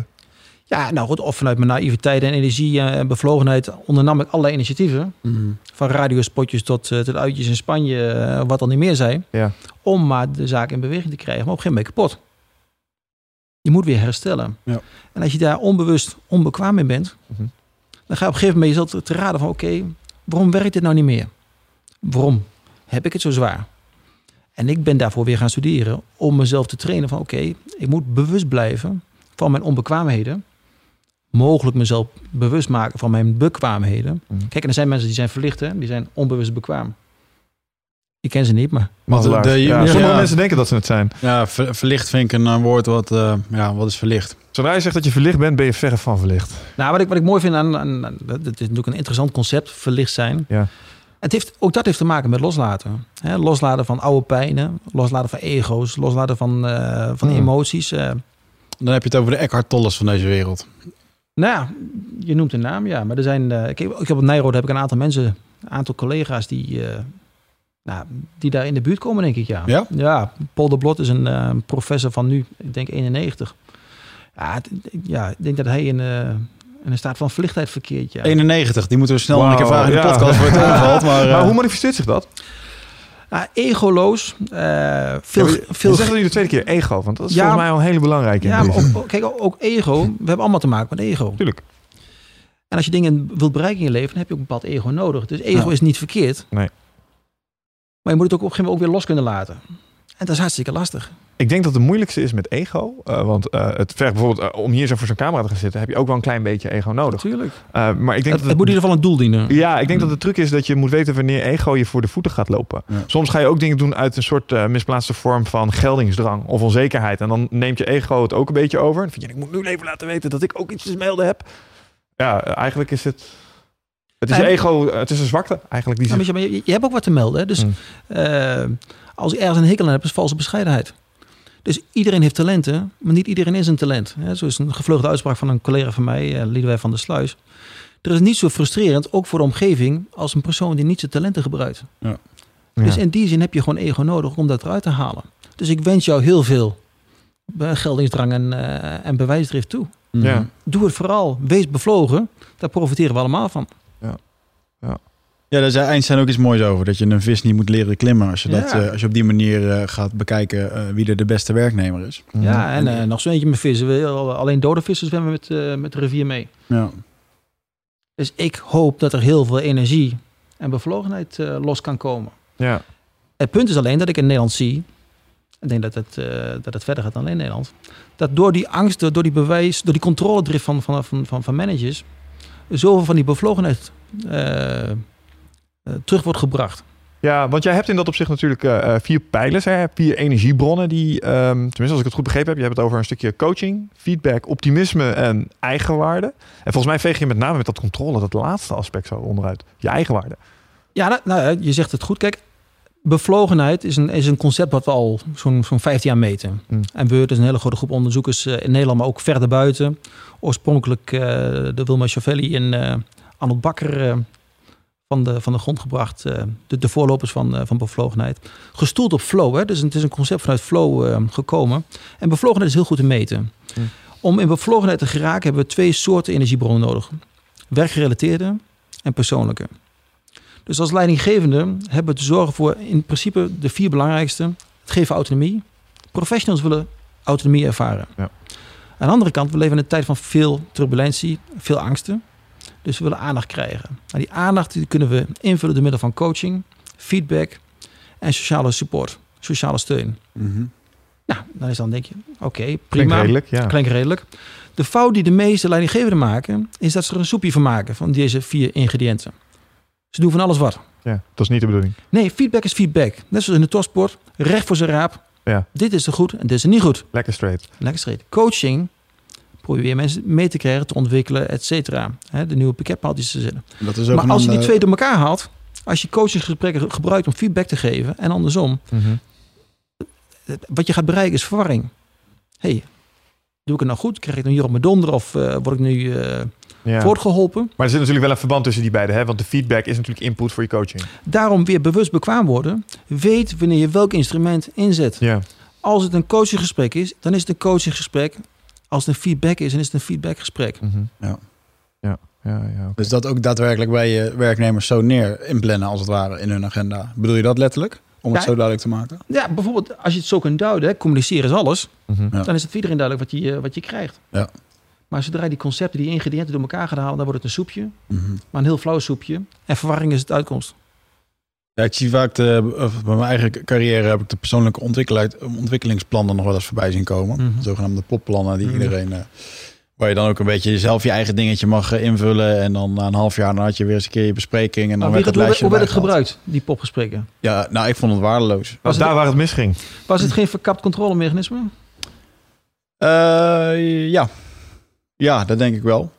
Ik denk dat eh, eh, per bedrijf heb ik wel ervaren dat het heel erg flexibel kan zijn. Of heel erg. Eh, Sommigen lieten dat toch ook wat meer los. Die hielden daar niet te ver. eh, Hè, want die zagen wel dat je op andere gebieden heel erg ontwikkeld was. Want het is natuurlijk, je komt ergens en eh dan moet van de een op de andere dag moeten binnen een week moeten besloten hebben waar jij over een half jaar staat. En ik merk voor heel veel mensen, zeker eh, voor de mensen die wat, eh, eigenlijk de soldaten in, in, het, leven, in het werken, in het werkleven, die, eh, die hadden daar moeite mee om dat, eh, dat te beschrijven. Van ja, wat wil ik nou eigenlijk over een half jaar? Want die, die willen gewoon die baan hebben en die zekerheid. En eh, die willen ook niet te hard gaan werken. Want eh, stel je voor dat je te grote doelen opschrijft. Dan kom je daardoor in de problemen en dan kan je afgestraft worden. Ja, maar dat was al die tijd dat we leefden in een eh, one size fits all. Hè? Dus we kregen Mhm. allemaal dezelfde plannen voorgeschoteld. En invullen maar graag. Ja. En dat moet dan eh, voor vrijdagmiddag ingeleverd zijn. Dan kunnen we maandag beginnen met de eerste coachingsgesprekken. Ja. Maar het zijn verkapte controlemechanismen. Mhm. Kijk, er zijn verschillende persoonlijkheidstypen in de wereld. Ik gebruik het, het enneagram. Voor mij is dat echt een, eh, een prachtig instrument. eh, hè, meten van drijfveren in Ja. plaats van gedrag. Gedrag is niet belangrijk. Hè? Gedrag is niet belangrijk. Het is meer een manifestatie van de omstandigheden. Van de drijfveren. En als je de drijfveren niet voor jezelf duidelijk hebt, dan Ja. schiet je dus met hagel. Ja. En als je voor mensen bepaalde invuloefeningetjes eh voorschotelt om bepaald gedrag, hè, gecontroleerd gedrag te krijgen, of controleerbaar gedrag te krijgen, Mm. dan behandel je dus iedereen als gelijk. En dat Kijk- kan niet, want niet iedereen... Ja, we, zijn, we zijn allemaal gelijkwaardig, maar gelijk Ja. zijn we niet. Nou ja, we zeggen je wel eens, eh, iedereen is uniek, bijzonder en speciaal. Net als de rest. Is dat niet Kijk- lastig voor eh, de, de ondernemer die eh, flink aan het stijgen is, die 200% wil verdubbelen? Eh, ondertussen komt er nieuw personeel bij om dan. Wow, weer een stukje kennis waar je mee rekening mee moet houden, weet je wel. Eh, eh, dat, dat is eigenlijk een taak voor, voor ja, een stukje HR ook, een stukje management. Eh, Daarom zie je ook dat de bedrijven die het goed doen, die kunnen loslaten. Die weten, oké, weet je, wat ik kan doen als CEO, ik kan, ik kan aandacht geven. Ik moet zorgen dat ik mensen in huis haal die slimmer zijn dan ik. Ja. Zeker op bepaalde vakgebieden slimmer zijn dan ik. Die moet ik loslaten, maar ik moet wel resultaat vragen. mhm. Dus ik moet richting geven. Mhm. Waar gaan we naartoe met z'n allen? Maar doe vooral je ding. En laat me zien dat je je ding doet. Zit jij eh, vaak in je hoofd? Eh, neem je heel veel informatie tot je video's, podcasts, boeken? Eh, nou, voel je niet schuldig, dat doen heel veel mensen natuurlijk. Hè, maar vaak zijn we op zoek naar antwoorden. Eh, gaan we nog meer informatie tot ons nemen. Terwijl ja, de antwoorden liggen toch echt in onszelf. En dat is iets wat we voelen met ons lichaam. Maar vaak zijn we zo erg in ons hoofd bezig ja, dat we dat ook niet meer, dat we daar niet meer echt goed bij kunnen. En dat is graag waar ik je voor uit wil nodigen. Voor Rite of Passage. 24, 25 en 26 mei is er weer een nieuwe editie voor mijn retreat voor persoonlijke ontwikkeling. Waarbij het thema echt is om uit het hoofd te komen in dat lichaam. Want dat is waar je alles ervaart. En ik wil dat je gewoon weer in contact komt met, met die, die intuïtie. Ehm, en dan gewoon een heel sterk eh, innerlijk kompas. Dat je gewoon weer weet waar je naartoe moet, wat je te doen staat. En dat je gewoon weer helderheid hebt over wat je wilt en hoe dat je dat gaat doen. En dat doen we middels eh, bio-energetische oefeningen, dynamische meditaties, een stuk shamanisme zit erin. Het enige wat er bekend is van het programma is dat er een zweethut in zit. Eh, en natuurlijk gewoon hands-on persoonlijk leiderschap. Eh, dit retreat krijgt een 9,2 gemiddelde van meer dan 331 deelnemers. Daar ben ik ontzettend trots op. Sterker nog, er is ook een money back guarantee. Vind je niks na drie dagen, krijg je gewoon je geld terug. Dus het enige risico dat je loopt, is dat je gelukkiger wordt. Klinkt dit als iets voor jou en durf je het aan? Dan zie ik je op Ride of Passage. Ga naar wichertmeerman.nl en klik op Retreat. Maar zodra je mensen dus gaat aansturen, bla bla, je bent eh, 90% van je tijd bezig met lijstjes, geef je dus geen aandacht meer. Je cre- je creëert een cultuur van wantrouwen. En wat je krijgt, is niet wat je wenst. Je krijgt geen resultaten. Ja. En dan is het vingerwijzen. En ik, ik, zie heel veel spagaatmanagement ook. Hè. Dus dan, dan, dan krijg ik de vraag van, ja Bas, eh, ja, eh, coaching. We hebben coaching ingevoerd. Een van jouw artikelen is eh, coaching werkt voor bevlogenheid. Maar bij ons niet. Oké, nou dat kan. Eh, vertel eens wat meer. Ja, en bla bla. En dan vraag je een aantal van die, de, de medewerkers. Ja, hartstikke leuk. Dus we kregen een coach aangeboden. En, en de maand erop kregen we een mail dat we nog meer controlemechanisme moesten gaan invoeren. Ja. Hè, dus spagaatmanagement. En dan wordt het vingerwijzen, weet je. Ik bied je dit aan, maar het werkt niet. Ja. Dus kies, maar kies dan bewust. Wees bewust bekwaam. Laat je los of laat je niet los. Mhm. Maar als je zegt los te laten, maar je haalt eigenlijk aan, hou je mensen voor de gek. Ja. Spagaatmanagement. Wat is dan een eerste tip van eh, als je bij het bedrijf binnenkomt van jongens, wat betekent dan de term loslaten? Weet je? En mensen, je wil mensen eh, toch aan het werk zetten dat ze eh, dat coaching gaan invoeren. Hoe, hoe implementeer je dat? Nou, kijk, ik kan dat niet voorschotelen. Hè, dus ik, ik ken de organisatie niet, de context niet. Mhm. Ja, dus ik ben een enorme aanhanger van de contingentiebenadering. De? Contingentiebenadering, dat is een, filosofo- filosofisch concept, organisatiekundig concept dat zegt: there is no best way of organizing. Dus je zult moeten onderzoeken in de context waarin een organisatie zich bevindt, met de medewerkers die al aan boord zijn, Ja. wat is de beste manier om hier de zaak aan te sturen? Ja. En dan kijken op welke wijze kun je resultaat vragen, richting geven en ruimte bieden. Als je te maken hebt met heel veel structuurzoekers, hè? sommige mensen zijn nou, super autonoom, Ja. de creatieve sommige mensen willen ook graag aan de hand worden gehouden. Ja, accountants zijn geen eh marketeers. Als je accountants helemaal loslaat,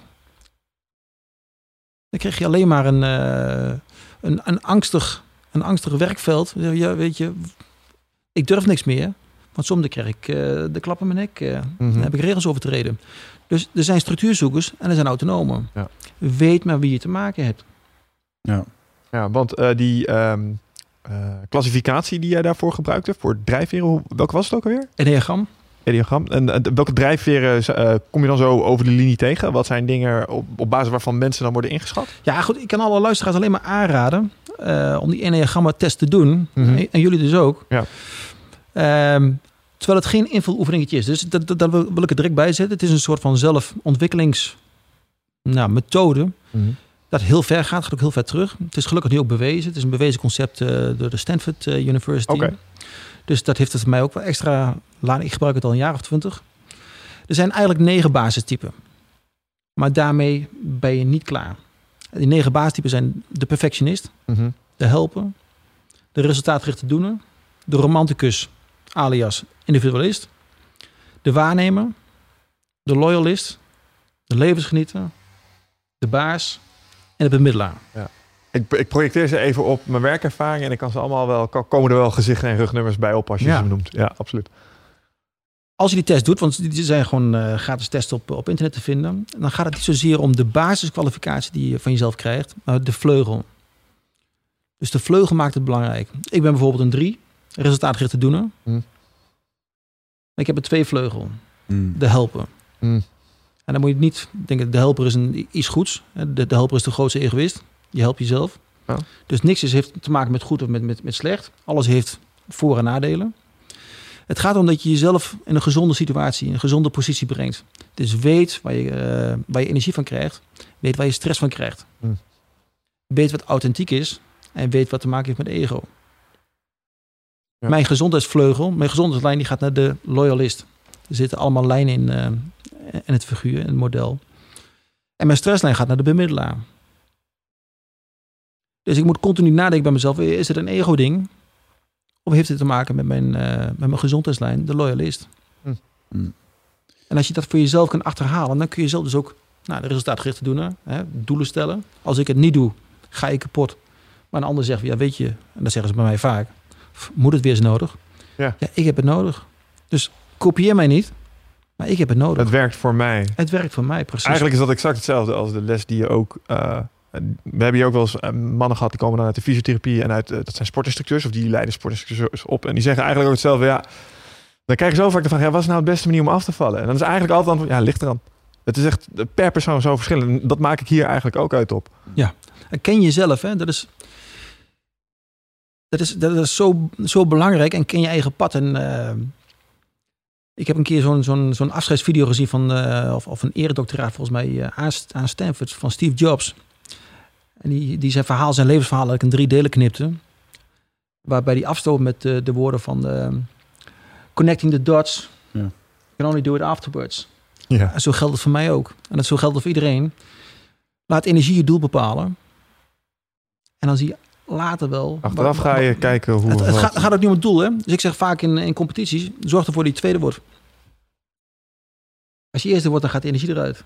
Het gaat om de reis Ja, En ja, door mijn doel. da- ja, dat kennen we de vechtsport ook wel. Het, het is niet lastig om kampioen te worden. Hè? Het is lastig om kampioen te blijven. Ja. Maar ik vind dat stukje dat eh, proces eh, eh, beseffen, dat heeft ook gewoon te maken met die eh,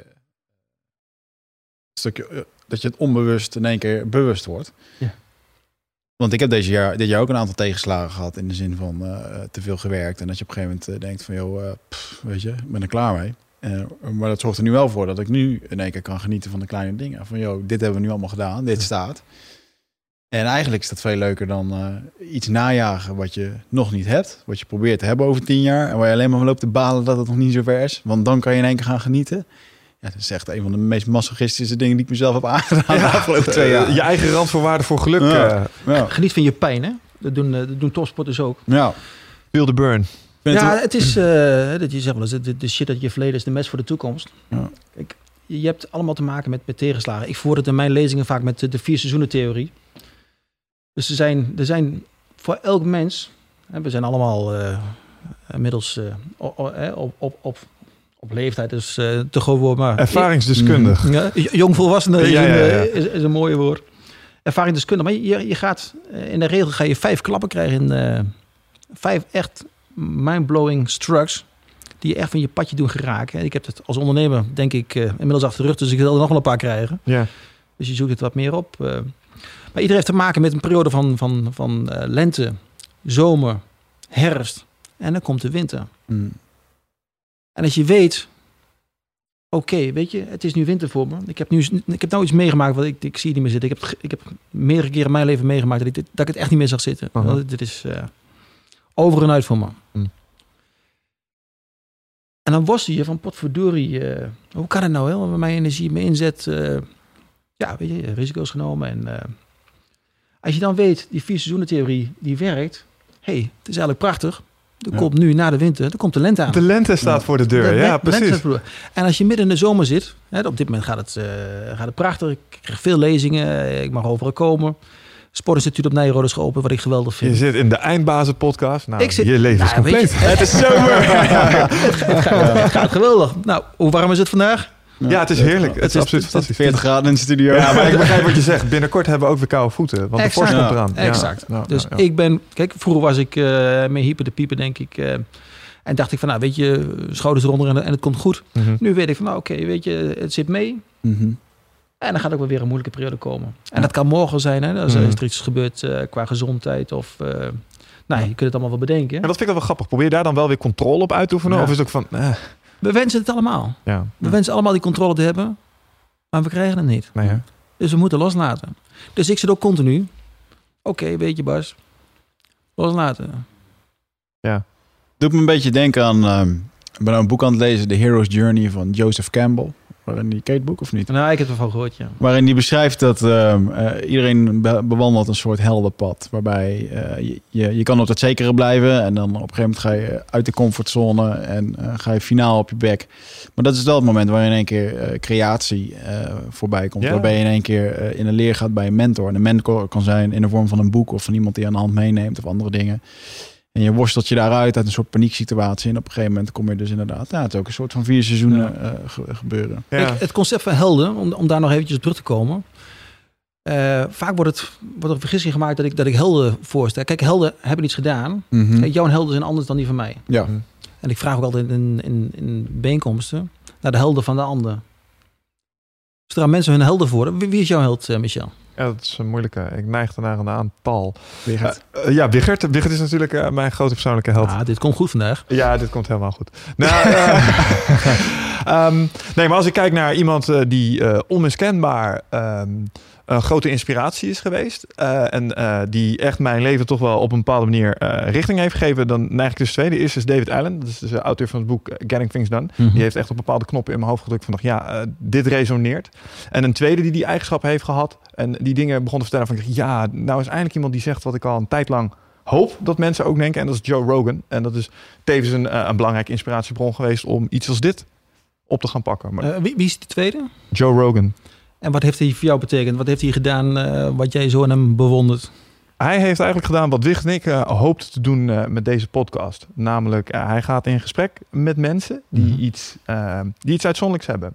En in die gesprekken komen vaak allerlei nou ja, juweeltjes naar boven. Waarvan je er, als je er op dat moment naar luistert, zeg maar, met een bepaald perspectief. Wat Wicht dan noemen de law of attraction. En dan haal je er in één keer kennis uit van, ja, dit is wat ik, wat ik had moeten doen. Bijvoorbeeld, dan hebben ze het over ondernemingsangst of uit je comfortzone komen. En dan, als je anderen dat hoort zeggen op een manier die perfect past bij jouw beeld van de wereld, dat je van ja, zie je nou wel, ik moet, ik moet gaan doen. En die hebben, zeg maar, uh, Wigert en mij op een gegeven moment toch wel tot actie aangedreven om te gaan ondernemen en dingen te gaan uitvoeren. En als ik nou op terugkijk, uh, dat is toch wel, um, op het moment dat ik die podcast echt structureel begon te luisteren, zijn dingen anders gegaan. Kan ik echt, uh, Ja. kan ik me amen. Mooi. Ja, ik vind... En, en in combinatie, maar om daar even op terug te komen, het haakje even eh, te prikken. Als ik het samenvat en ik beluister jouw verhaal, is het oké, de man en eigenlijk de, de, de twee mannen, Mhm. waarom jij die als helder hebt gekozen, is omdat ze jou hebben aangezet te doen. Ze hebben jou geïnspireerd te doen. Kijk, dat is een belangrijk aspect dat jij in vervulling wil zien doen. Jij bent ondernemer. Ja. Jij bent ondernemer eh puur zang. Dus je zoekt ondernemers uit die jou kunnen stimuleren om dat pad te bewandelen dat zij al hebben afgelegd. Ja. Dus dat is wat helden doen voor ieder op zijn eigen wijze. Die hebben eigenlijk al een pad doorlopen waarvan jij zegt, oeh, angstig en er liggen allemaal beren op de weg en uh, durf ik het wel? Ja. Hey, weet je, zij hebben het ook gedaan, ik ga het ook doen. Het kan dus blijkbaar. Het kan dus blijkbaar, zij hebben het ook overwonnen. En dan om jou, naar jou te gaan, Direct, wie, wie is jouw held?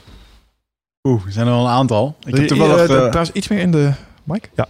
Ik heb een. eh, ik heb zo'n eh, eh, vision board, storybook, zeg maar. Of een boek wat ik gewoon bij heb, waar ik alles in opschrijf. En eh, ik vond dat ook gewoon aan met plaatjes en zo. En ja, sommigen zullen denken van, heb je hem. Maar ik, eh, voor mij werkt het. En eh menig coach die, die zal hiermee ja knikken dat dit gewoon werkt. Om gewoon dingen te visualiseren. Mhm.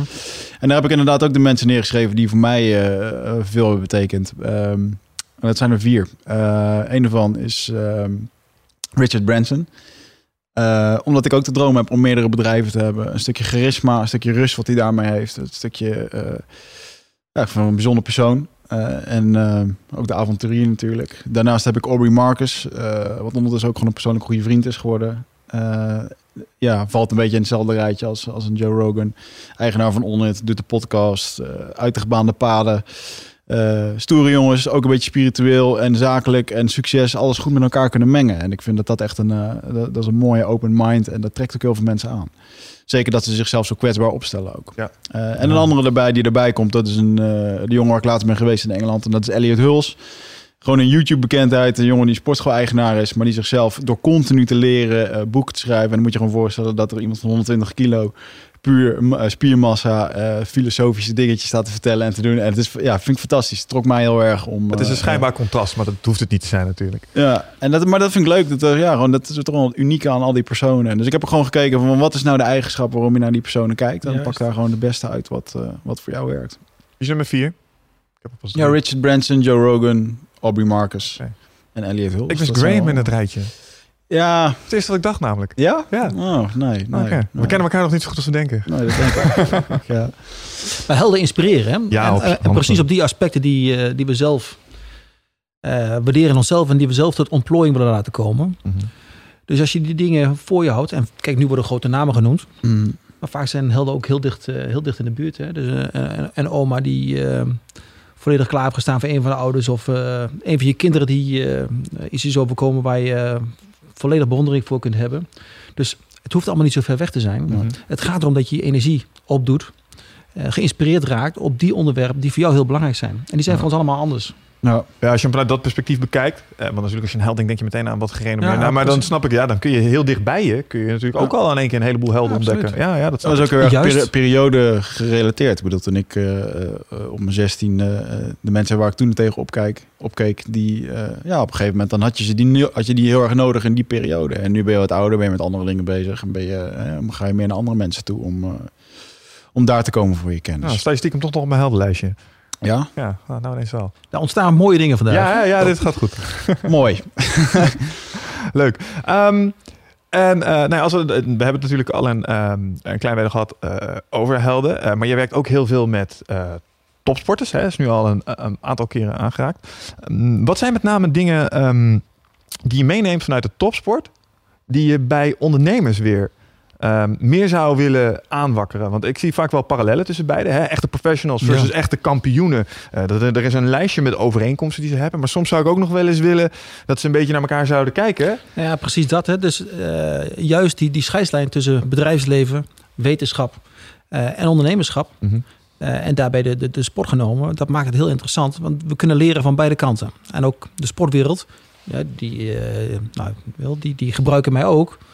Om een aantal van hun intuïties weer te onderbouwen met... eh, oh, zit het zo? Kijk, er zijn, hè, ik heb een aantal, aantal grote coaches mogen ontmoeten. Mee samen mogen werken met, met Gerbrands... eh, eh, geef ik nu les op het eh Leiderschap Instituut, eh, Sportleiderschap Instituut eh, op Nijrode. En heel veel van die, van die goede coaches, Mhm. goede managers, doen intuïtief van alles goed. Het enige wat ik dan hoef te doen, is daaronder bewezen concepten leggen. En dan zie je ze kijken van potverdorie. Oh, zo van ik doe Hey. het altijd zo en dit is wat hij gebruikt eigenlijk. Ze worden in één keer bewust bekwaam. Ja, ja, ja. Hmm. Oh, zit het zo? En dan zijn ze zo gefascineerd, want dat zijn echt mensen die zichzelf morgen willen verbeteren. hè. Er staat eh, volgende week weer een nieuwe wedstrijd eh, en, en weer een nieuw seizoen, et cetera. Mhm. Dus ook zij zijn op zoek naar houvast. Ja. Dus de wetenschap en de sport die kunnen elkaar heel mooi, heel mooi voeden. Zoals ik het ook heel prachtig heb gevonden dat die leer van eh effectuation, de ondernemerstheorie, Mhm. vanuit eigenlijk de, onder- vanuit ondernemersland is aangebracht voor wetenschappers.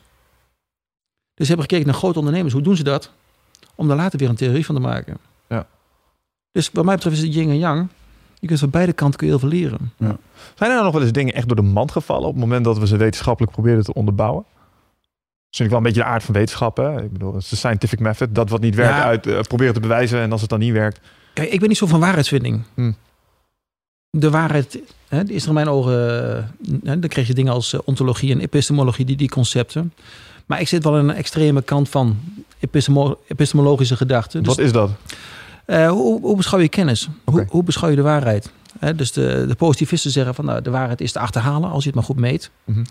Terwijl eh, de postmodernisten zeggen, ja weet je, er is geen waarheid. Alles is gekleurd. Dus Ja. alle wetenschappelijke cijfers zijn zelfs interpretabel. Nou, ik zit aan de kant eh, van waarheidsvinding. Wat is waarheid? Mhm. Wat we wel kunnen vinden, is dingen die niet werken. Ja. En dat is ook interessant. Mhm. Geen informatie is ook informatie. Exact. Ja. En al is het voor mij, kijk, uiteindelijk ben je dan ook een, eh, niet alleen een denker, maar ook een doener. Kijk, uiteindelijk gaat het weer om die energie. Waar krijg ik inspiratie uit? En dat je van tevoren niet precies weet waar je dan uit gaat komen, of hoe precies die roadmap ligt. Hè, bijvoorbeeld Kaplan met zijn balance scorecard. Mhm. Op dit moment is het niet een heel veel gebruikte methode. Omdat het wel heel erg uitgaat van meten is weten. Mhm. En nogmaals, en dan komt Einstein weer terug. Niet alles wat te meten is belangrijk. Niet alles wat belangrijk is, is te meten.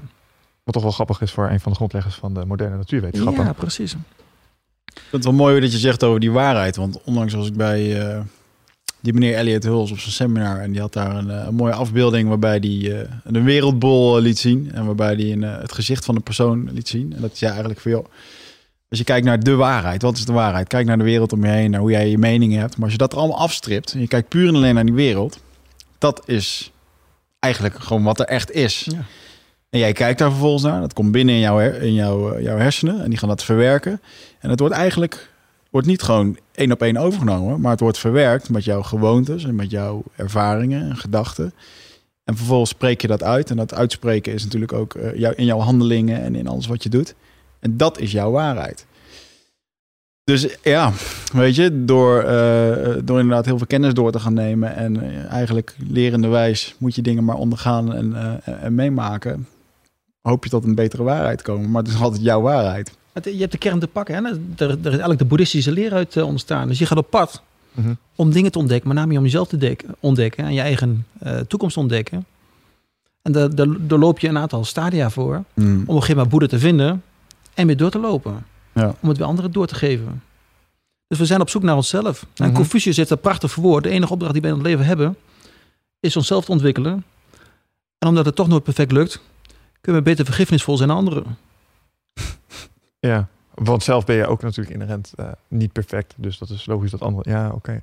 Geloof, eh, want eh, nu gaan we wel een klein beetje het, het, het spirituele stuk in. Geloof jij dat... ehm, geloof jij in dingen als lotsbestemming? Dat sommige mensen echt bedoeld zijn om sommige dingen voor elkaar te gaan krijgen? Dat ze echt helemaal optimaal geconfigureerd zijn voor een bepaald carrièrepad? Nou, Een bepaalde...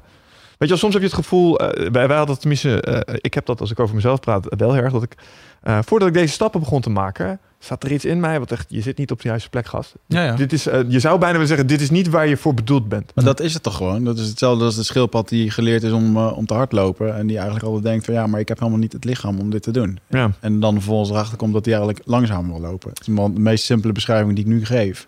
Maar volgens mij heb jij jarenlang gedaan wat je eigenlijk helemaal niet wilde doen.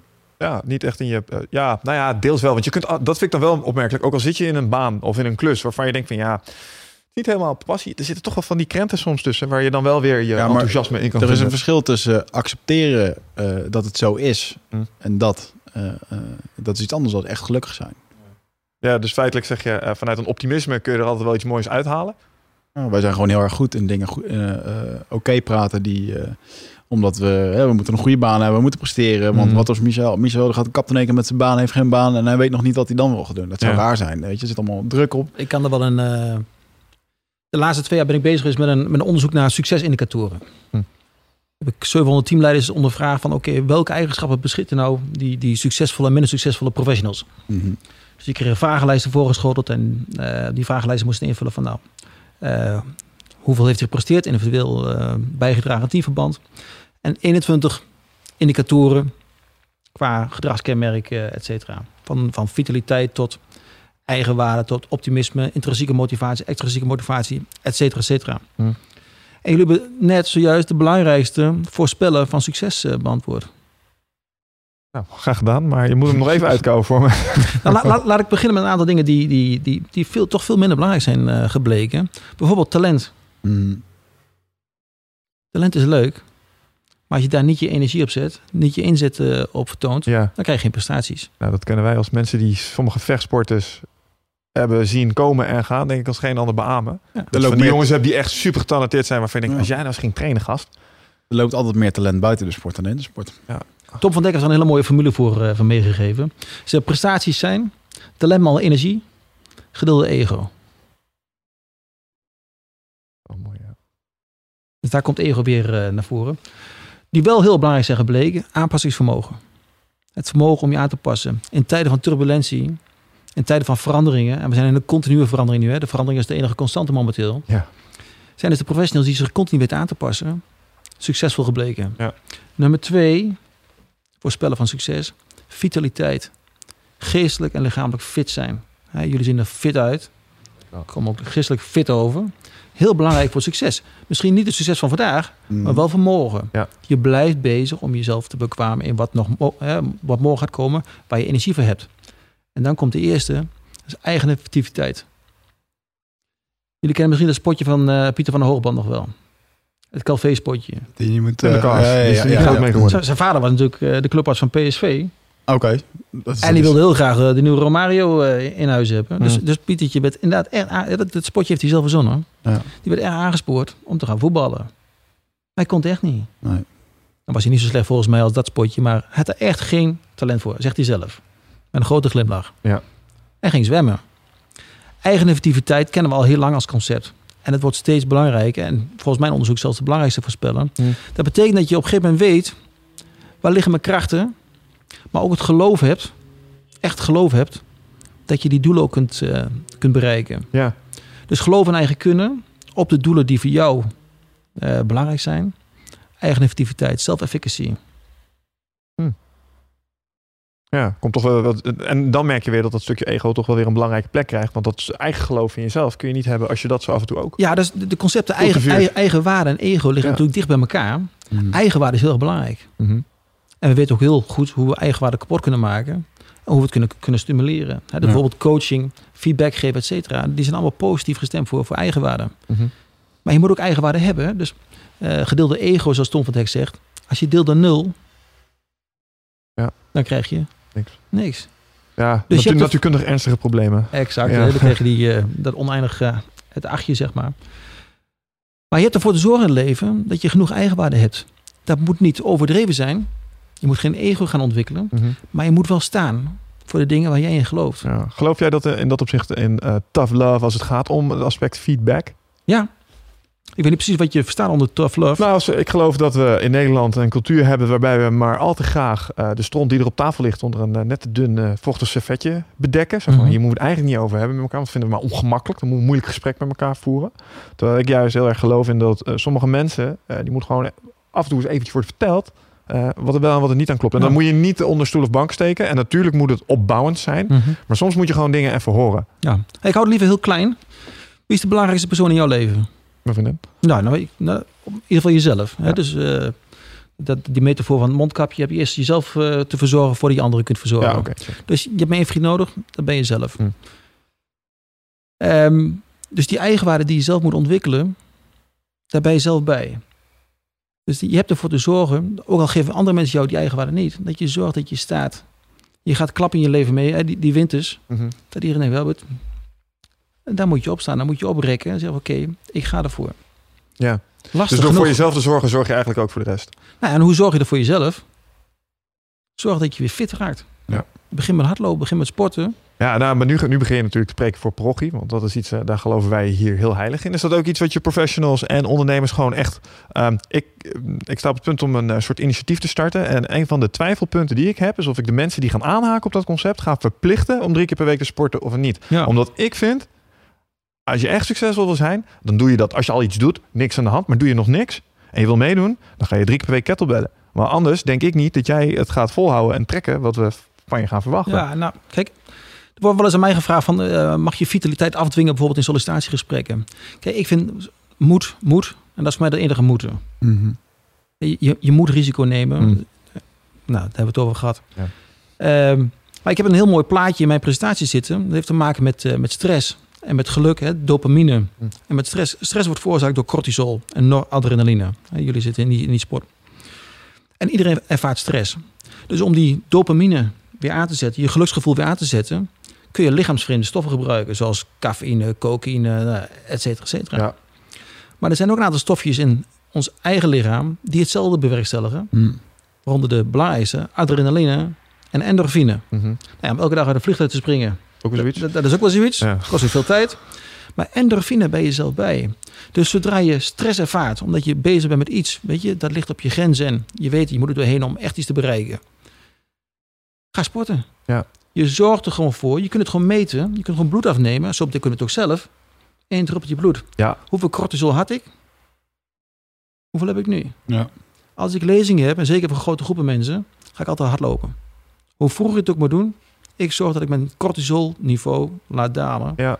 En mijn endorfine en adrenaline, dopamine dus, laat toenemen. Ik vind het eh, eh, Bewust. super om dit te horen. Een van de dingen die ik mensen, waar ik ze graag bewust van maak, is ehm, je fight-or-flight respons. Eh, en eh, de directe eh, relatie tussen eh, de productie van onder andere adrenaline en cortisol. En dat die Mhm. adrenaline de leuke eigenschappen biedt, maar dat die structurele blootstelling aan die cortisol, dat is funest. Ik bedoel, cortisol heeft absoluut een functie. Hè? Ja, ik bedoel, absoluut. ook lichaam eigen doet het dingen. Maar op het moment dat het, eh, eh, dat het de overhand begint te voeren, gaat het echt een plethora aan allerlei fysieke Ja. klachten gaat het, eh, Ja. introduceren. Nou slapeloosheid, immuunsystemen die eronder doorgaan. Hè? We komen gewoon niet meer in beweging. We kennen een theorie uit 1929 al. James Cannon. Fight, flight, but never freeze. Ja, op, de, op de savannes van toen, Mhm. we moesten eten halen. Ja.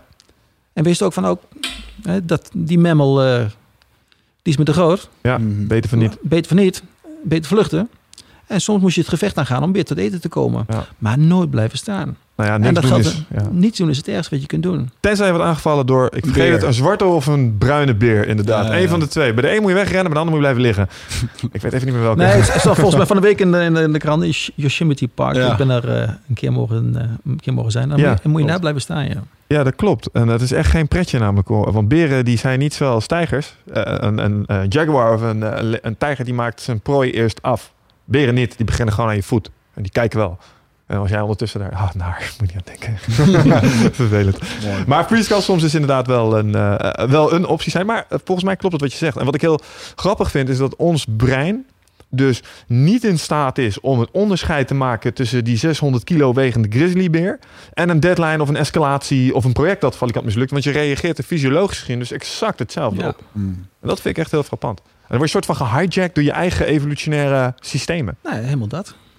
Terwijl het uiteindelijk, je wordt gewoon voor de gek gehouden. Uiteindelijk levert er dus niks op. Ja, maar wat jij Nee. doet, is je hackt het in je eigen voordeel. Jij zegt gewoon, hé, dat systeem is er. Ik kan dus endorfine produceren door fysieke inspanning te leveren. Want het was vroeger heel erg eh, prettig om fit te zijn. En het, mijn lichaam is gebouwd om me daarvoor te belonen. En die beloning die gebruik ik dan vervolgens om in moeilijke situaties meer energie te hebben. Mijn stress beter te reguleren. En, En dat is weer het grappige aan bijvoorbeeld topsporters. Die doen dat van nature. Die zijn elke dag bezig met die topsport. Hm.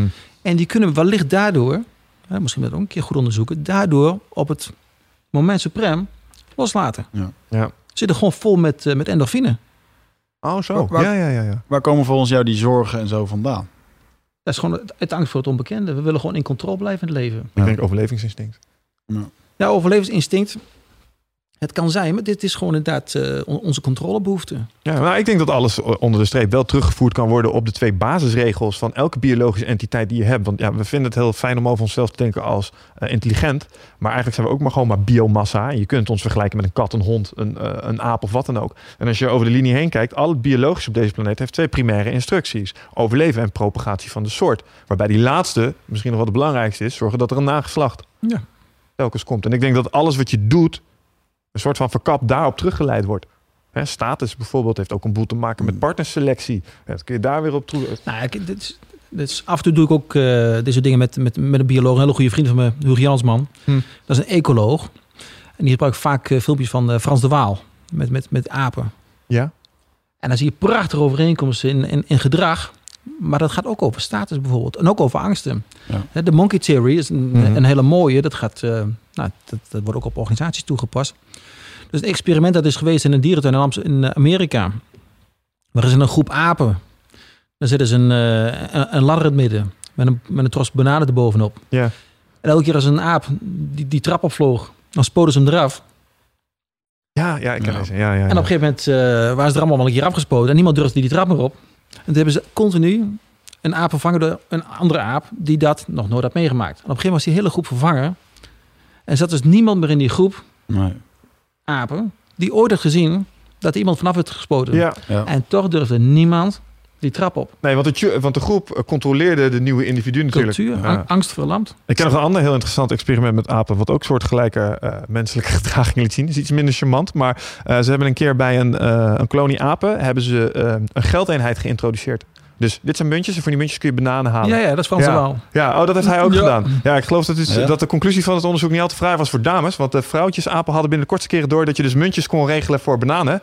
En toen was al vrij snel prostitutie een ding op Ja, het ja, ja. apeneiland.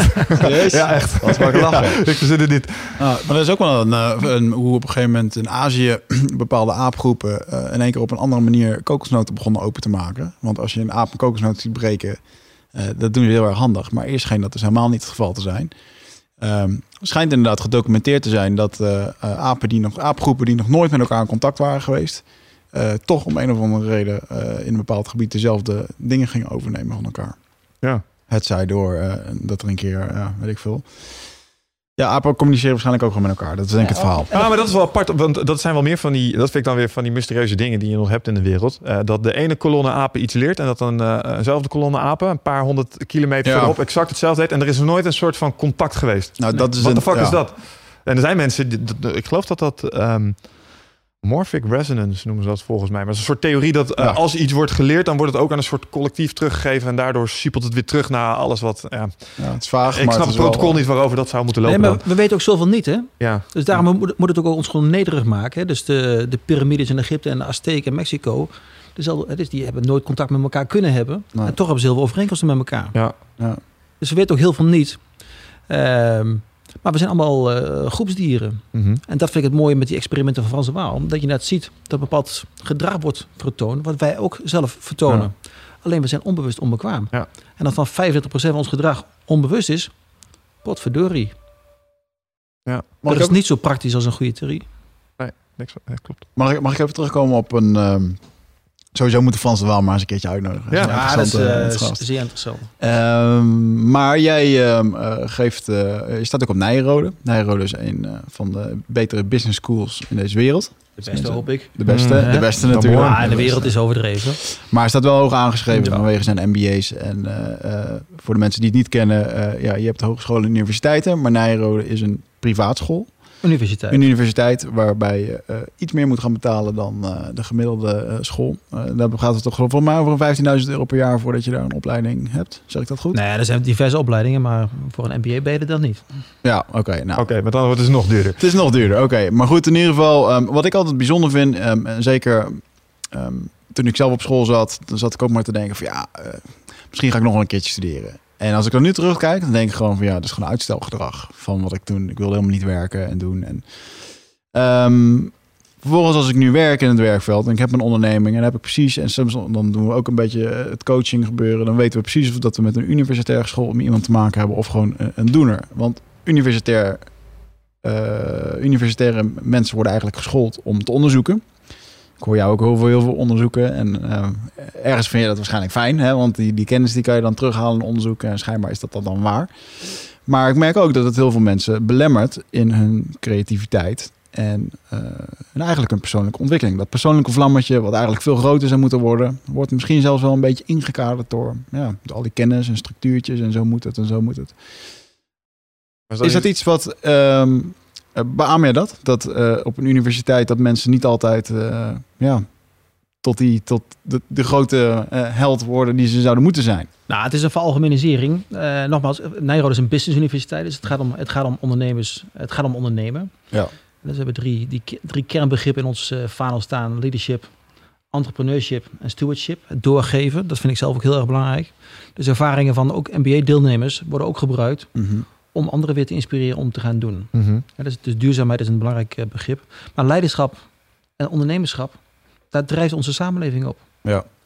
Eh, en onderzoek is, is een methode dat je kunt gewoon doen, maar je moet ook leren. En je, moet, je moet ook leren te doen. Ja. En je moet ook doen om te leren. En dan komt die contradictie weer eh, naar voren. En dat is wel iets wat wij in Breukelen gewoon op, op voorstaan. Dus het, moet- het moet wel business-wise zijn.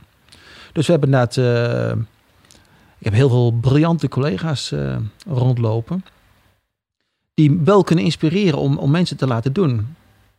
En nogmaals, niet iedereen hoeft eh, elke dag met, met, met, met, de handen in de modder en, en, de, en de klei te lopen. Maar het moet op een gegeven moment wel tot doen leiden. En dat vind ik het mooie aan, eh aan Business Universiteit in zijn algemeenheid. Ja. En Nijrode in het bijzonder. Dat het, eh, het, dat er is gewoon ontzettend veel energie. Zodra bij ons de poort binnenkomt, dan proef je de energie. Dan proef je de, de aura, dan proef je ondernemerschap. eh. en niet alleen door de, door de instelling zelf, maar met name ook door de deelnemers. Ja. De selectie aan de poort. Hè, dus, eh, Hoe belangrijk vind je in dat opzicht een zogenaamde mastermind groep? Dat, hè, dat je als ondernemer één keer in de zoveel tijd samenkomt met eh, gelijksoortigen, Ja. zodat je het kan hebben om... eh, is dat iets wat je nodig hebt om succesvol te zijn? Nou, ik vind het, ik vind het, die komt eigenlijk precies met deze vraag op het juiste moment, want we hebben onze MBA net, eh, net aangepast. Eh, er is veel minder uren aan theorie ingebouwd en veel meer contactmomenten met bijvoorbeeld CEO's en ook opdrachten binnen het bedrijfsleven. Ja. Je leert ook gewoon te doen. Dus alleen maar leren uit, uit managementboeken. Kijk, als je managementboeken achter elkaar zet, zelfs op onderwerpen, dan kom je in Kaapstad uit. Ja. Kun je er overheen lopen. Ja. Er is zoveel kennis. Maar het gaat erom dat jij in beweging komt. Ja, maar wat volgens mij Wigert ook bedoelt, is het, eh, het stukje intervisie, denk ik, erop. Niet waar? Dat je in zo'n Ja, groep zit en dat je elkaar scherp houdt. Nou, en dat je die een ambities aan elkaar... Zodat je die Ja. energie waar jij het over had, dat je die kunt voelen en delen met elkaar. Ja, nou dat is het verschil, denk ik, met, met heel veel andere eh, universiteiten. En, eh, het is een, het is een, een, een groepswijs ding. Ja. Dus mensen zijn heel erg in die groep bezig. En na 2,5 jaar, eh, dus alumni, Mm. die worden continu terug. eh, die komen ook gewoon continu terug. Je krijgt niet alleen maar een opleiding, je krijgt een netwerk. Ja. Je krijgt een beleving. Ja, precies, precies. Je hoort bij een soort familie ineens. Nou, dat gaat, dat gaat ver, vind ik. Maar eh, zo wordt het wel eh, ervaren af en toe. Maar ik weet niet of het ver gaat. Het is natuurlijk ook een beetje wat... eh, je hebt natuurlijk dat is van die... ehm, nou ja, het is bijna standaard. Als je bij elkaar in de studievereniging hebt gezeten... ga je later ook een soort van business doen. Een beetje dat gevoel. Ik heb zelf in Groningen gestudeerd, hè, recht en bedrijfskunde. Nooit iets van terechtkomen. Nee, maar goed, ik heb nog mijn maatjes uit eh, eh, van vroeger. Die, die, die, die heb ik eh, veel al nog. Ja. De meeste.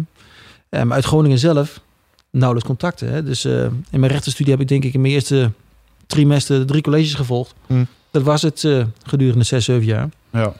Voor de rest alleen maar de boekjes ingedoken en samenvattingen gelezen.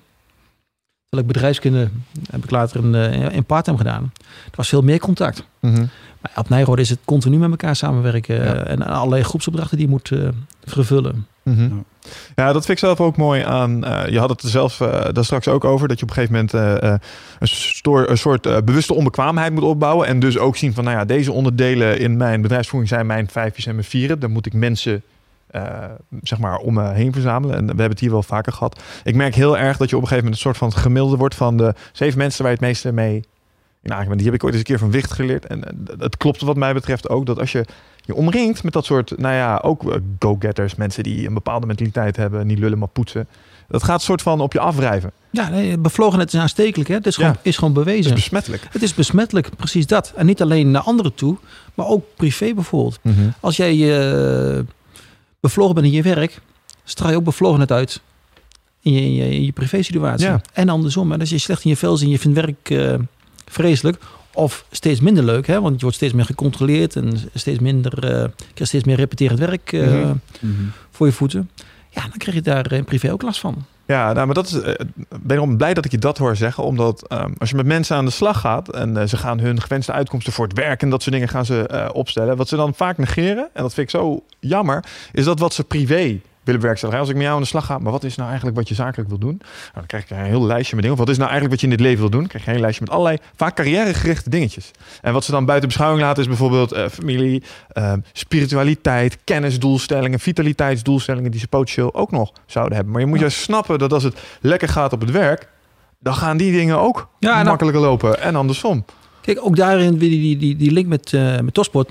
Toon Gerbrands heeft eens een keer een mooi figuurtje eh, getekend. Zei, want eigenlijk is het, het is als een huis. Hm. Een huis heeft kamers, werk, privé, gezondheid, eh, et cetera, met een dak erboven. Als je een van die kamers niet aandacht geeft, of geen aandacht geeft, wordt het een zooitje. Ja.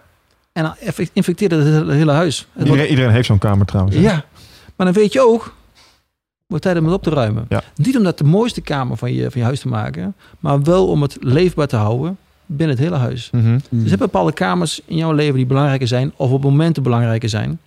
Die moet je aandacht geven. Mhm. Maar je hebt ervoor te zorgen dat de, de hygiëne. Ja. Goed, kijk, ik ben afgestudeerd op bedrijfskunde op eh, het concept schitterend organiseren, schitterende organisaties. Ik heb bekeken naar een aantal organisaties van, eh, oké, wie hebben het dan geïmplementeerd en Mhm. ook, eh, wat doen ze dan precies en eh, welke aspecten bekrijgen dan heel veel naar, naar et cetera. Maar ook hoe zijn de resultaten financieel? En die financiële, financiële resultaten vielen heel erg tegen. Mhm.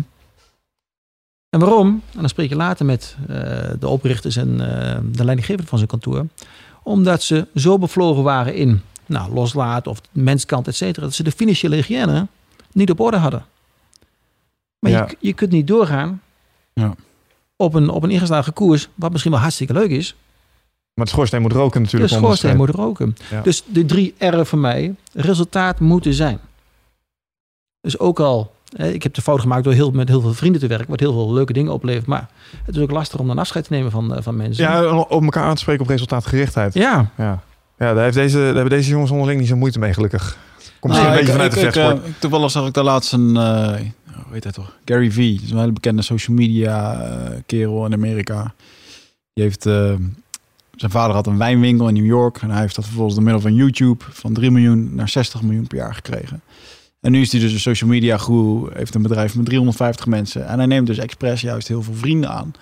Ehm, omdat hij vindt dat dat ja, wel bijdraagt aan wat er in, in een bedrijf gebeurt. Alleen, Mhm. En hij zegt dan ook heel hard, echt een beetje op zijn New York, van ja, als ze dan daarna boos zijn dat het niet goed gaat, dan zijn ze geen echte vrienden geweest. ja, zo kan het ook. Maar goed, dat heb jij zelf eh, aan de harde hand ervaren dan, eh, denk ik. Nou goed, kijk, eh, zeker als je, als je over een lange periode onderneemt met elkaar, je verandert. Hè? En de Ja. een heeft eh, andere doelen dan de ander, dus ik neem niemand wat kwalijk. Mm, Eh, er zijn- er leermomenten geweest. ja. En het kan gewoon puur zijn omdat dat, dat, dat wegen is gescheiden. Ja. En op een gegeven moment gebeurt dat gewoon. Ja. En als je daarna weer eh, los kunt laten. Ook, zeggen, dan kom je terug op dat stukje mentale Ja. lenigheid. Snappen dat het nodig is. op het moment zelf is het, is het pijnlijk. eh, je, je neemt minder makkelijk afscheid van, van een vriend dan van, van, van, van een medewerker. Maar ruimte ontstaat door elkaar, dus hè, tot, tot hier en niet verder. Ja. Mhm. Ja. Heb ik. Een van de dingen waar ik eh, nog erg nieuwsgierig naar was, en dat is met name omdat ik dol ben op lijstjes, is eh, in, jouw, eh, in de omschrijving van je boeken en in je boek heb je het over een tien stappenplan.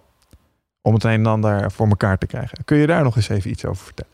Ik hoop niet dat ik je nu die, die tien stappen achter elkaar hoef... Nee, nee, nee. Nou ja, je hoeft niet je hele boek hier gewoon eh, te verklappen. Maar eh, wat is het concept en wat probeer je ermee te bewerkstelligen? Nou, kijk, het concept bestaat uit die vier pijlers. Hè. Dus eigenlijk drie. Hoog energiek. Ja. Je moet gewoon hoog energiek zijn. En dan leiding nemen in plaats van leiding geven of leiding vragen. Mhm. Kom in beweging.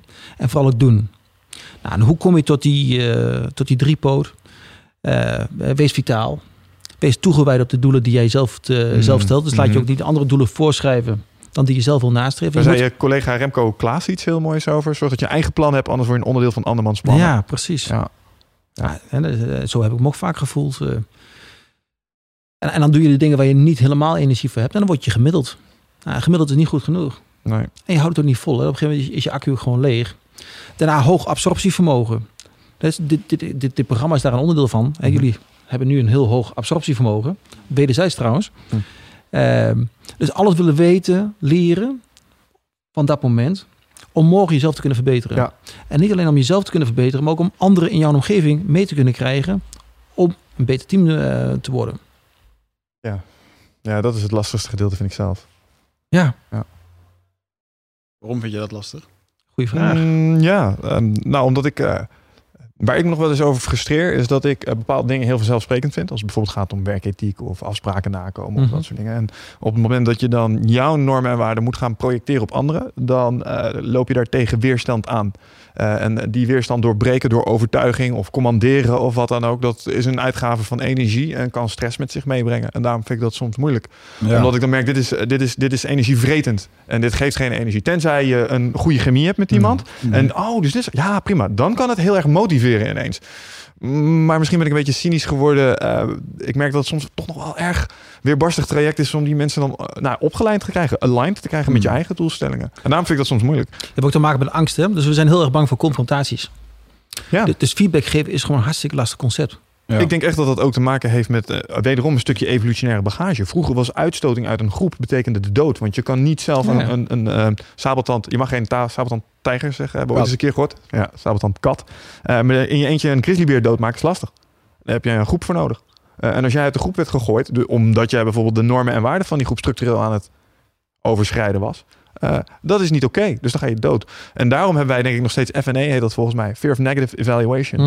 Mhm. Dat, dat tapt rechtstreeks in op de behoefte om bij de groep te horen.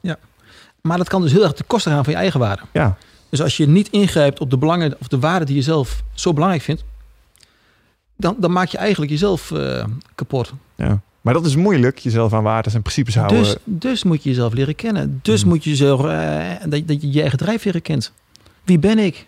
Welk persoonlijkheidstype heb ik nu in me? Eh, Wat, wat, zijn, wat zijn mijn stresslijnen? Wat zijn mijn gezondheidslijnen? Ja, ik weet niet wie, wie dat zijn, maar eigenlijk wat bij me opkomt is nu to thine own self be true. Dus zorg dat je getrouw blijft aan jezelf Ja. en dan kan het, ja precies.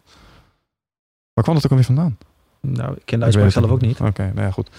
Oké, ehm, helder verhaal. En dat, dat was het, het totaal van dat, van dat concept of zitten daar nog dingen? Nou, dus, ik moet eerlijk zeggen, er zijn de, dus, dus tien stappen om te doen. Mhm. Met name ook moed, moed hebben. En dus zorg dat je door je angsten heen gaat. Eh, zorg dat je voorbeelden kent van mensen die gedaan hebben wat jij wilt gaan doen. En zorg dat je laat inspireren om daar ook eh stappen in aan te zetten. Loslaten, Mhm. een heel belangrijk concept. En op zoek gaan naar je authentische, authentische doelen. Ja. Gaaf. En zorg dat je weet waar je kracht ook ligt. Hè. Dus Marcus Marcus Buckman heeft er een heel mooi boek over geschreven. Ontdek je, ontdek je sterke punten. Dus weet wat je kunt en wat je niet kunt. En zorg ervoor dat je de dingen die gedaan moeten worden... en die de anderen beter ingevuld kunnen worden... Ja, dat je het ook dat je gewoon- dat ook doet. Ja, en dat vergt weer een stukje ego en loslaten, want dat herken ik ook wel aan mezelf. Dan, eh, ja, ik doe het zelf maar, want dan weet ik tenminste zeker dat het goed gebeurt. Maar je kan niet alles zelf meer op een gegeven moment. Nee. Maar het betekent wel dat je moet communiceren. Dus ook aangeven. Want weet je, doe het. Mhm. Eh, dit resultaat wil ik hebben. Dit is de richting die je op moet gaan lopen. Mhm. Dit is de ruimte die ik je bied. Ja. Maar zorg er wel voor dat je dan uiteindelijk het resultaat haalt. Er is niet zo leuks om iemand eh, in zijn kracht te zetten... om de doelen te behalen die jij graag met elkaar zou willen voorstaan. Ja, en dan kom je weer in dat hele stukje flow met die elkaar komen, terecht. dan komen ze in de flow terecht en eh, dan, heb- dan hebben zij iets bereikt... wat je eigenlijk al van tevoren... Nou, dat zou prachtig zijn als we dat zouden kunnen. Moet je de juiste mensen in huis halen, nou, et cetera, et cetera. Ja, en als je die dingen allemaal achter elkaar weet te schakelen, dan krijg je een soort van momentum. En dan is het eigenlijk alsof je met je sleetje van de heuvel afgaat. Uiteindelijk gaat het om de, om, om de reis. Hè? Dus Mhm. als je beneden bent met je sleetje, denk je, nou, Leuk, nog een keer omhoog klimmen. het zit erop. Ja, Jammer. Maar geniet van de rit is wat je zegt. Ik was gepromoveerd en daar ben, daar ben je dan eh, drie jaar mee bezig. Hè. De, vol gas. Eh, ik heb anderhalf jaar bij een eh, professor elke zondag doorgebracht. Nou, en dan heb je zo'n dag, eh, nou, familie erbij, vrienden erbij. En je loopt in zo'n zo'n prachtig pak bij ons in het kasteel. Hm. Het Jullie hebben een kasteel? wij hebben een kasteel, ja. En dat is, dan, dan heb je een prachtige dag. Ja. En een dag later denk je, en nu? Ja. een soort postnatale depressie. Ja, die, Ja. die dopamine rust die duurt niet zo lang als, als dat je een leuke auto hebt gekocht. Inderdaad. En, Nee. dat, en dat zal bij de een anders zijn. Net dus mij als, eh, als, als drie type zal het extremer zijn dan een, dan een, dan een waarnemer. Mhm. Die zal zeggen, nou, weet je, goed gedaan. Ja. Geweldig, genieten. Maar ik zit anders in elkaar. En om mijn bevlogenheid vast te houden, moet ik weer op zoek naar nieuwe doelen. Ja. Ja. Wat voor sommige mensen hartstikke irritant kan zijn, dat snap ik wel. Maar ik heb dat nodig. Ja. Ja, je persoonlijkheid dwingt je daar eigenlijk toe. Ja, Ja, om het vast te houden. Ik snap dat. Oké. Gaaf. Ik ga alles loslaten vanaf nu. ik ga ook alles loslaten. Het gaat niet makkelijk worden, Ik maar ben ik ga best doen. Ja. Mooi. Maar het is wel een eh, ja, loslaten. We moeten het concept dus wat meer gaan uitdenken. Wat we eh, outsourcen was bij mij de laatste weken het loslaten van bepaalde dingen. Gewoon niet meer doen en door anderen laten doen. Ja. Maar ja, Stoppen met frustreren over dingen die, eh, die gewoon gebeuren. Dat is het ook. Soms is het ook gewoon dealen met situaties zoals ze op je pad tegenkomen. En dat is gewoon, ja, daar moet je mentaal lenig voor zijn inderdaad. Maar nou ja, gebruik die, die, die simpele concepten wel. Turbulentie leidt tot angst. Mhm. Angst leidt tot controledrift. Je weet, controledrift, zeker op action control, de processen, leidt tot minder bevlogenheid. Ja. Ook voor jezelf. Minder bevlogenheid, minder resultaten. Minder resultaten, minder, of meer turbulentie. En dat geldt voor jezelf, dat geldt voor teams, dat geldt voor organisaties. Maak jezelf niet kapot. Ja. Zorg ervoor, want die angsten blijven. Je bent gewoon mens. Het enige wat je in hand hebt, zijn die controlemechanismen. Zorg ervoor dat je de juiste mensen om je heen verzamelt. Zorg ervoor dat je de juiste cultuur inbedt. En zorg dat je om resultaten vraagt. En laat het hele managen van processen, Excel, spreadsheet management, laat het los. En ga leiding geven. Dus leiding, leiding geven aan professionals. Een mooi boek van uh, Mathieu Wegman. Goed boek hoor. Een vreselijk verkeerde titel. Mm. Leiding geven aan professionals. Vooral doen. Ja. In tijden van turbulentie hebben professionals aandacht nodig. Jullie hebben ook aandacht nodig. Jullie willen ook morgen een schouder klopje krijgen of Ja. eh, eh, een coachinggesprek of feedback van joh, nou, dit kan beter op dat zit. Ja. Je, wordt Ja. je wordt weer getriggerd om te gaan. Klopt. Je beteugelt je angsten. Waar kunnen mensen jou vinden? Als we wat meer over jou willen weten of een lezing voor jou bij willen wonen. Of... Op mijn eigen website. eh, Ja, ik zag dat je nog een agenda met eh, activiteiten hebt de komende maanden. Met masterclasses doe je volgens mij. Ja, lezingen, seminars. Dus ik sta veel eh, bedrijven die me inhuren om een, om een dag vol bevlogenheid te krijgen. Mm. En stel je bent een luisteraar en je wil gewoon eens een keer zo'n dag bijwonen, dan kan dat. Kun je een kaartje kopen bij van spreken of je Ja, inschrijven. dus er zijn diverse congressen die eh, georganiseerd worden en dan ben ik gewoon als spreker ingeboekt. Oké. Maar nogmaals, eh, als bedrijven zeggen van, en dat gebeurt heel veel. Eh, ik heb een dag met klanten, ik heb een dag met, eh, met medewerkers, eh, ik, heb, ik heb zin in positieve energie. Ik wil, ik wil zien of met mijn managementteam eh dezelfde koers bewaken. Mhm. Hoe kunnen wij weer een bevlogen organisatie worden? Ja. Ben ik eh gaande bereid om daar een, een steentje bij te dragen. Mooi. Baskodde.nl. En eh, voor degenen die daar nog even wat op na willen lezen. We gaan ook bij ons op de website alle linkjes en alle onderzoekjes en testjes die we genoemd hebben in deze podcast. Die kan je daar ook terugvinden. Dus eh, ga vooral ook even die persoonlijkheidstest doen. Ehm, we hebben het straks even gehad over endorfines, dopamines en andere dingen. Onze show wordt gesponsord door Nutrifit. En we zijn van origine eigenlijk gestart omdat we een, eh, een webshop wilden creëren waarin we Nootropica verkopen. Nootropica heeft alles te maken met ja, supplementen voor je brein. En eh, we hebben daar wel een aantal eh, knallers, onder andere Alpha Brain en Siltap, die je beide kunnen helpen bij concentratie. En ik, ik zie jou een beetje met grote ogen kijken, maar het is serieus een, een ja, het zijn veel gekochte producten. We krijgen er veel goede reacties over. Sterker nog, we hebben een nieuwe money back guarantee.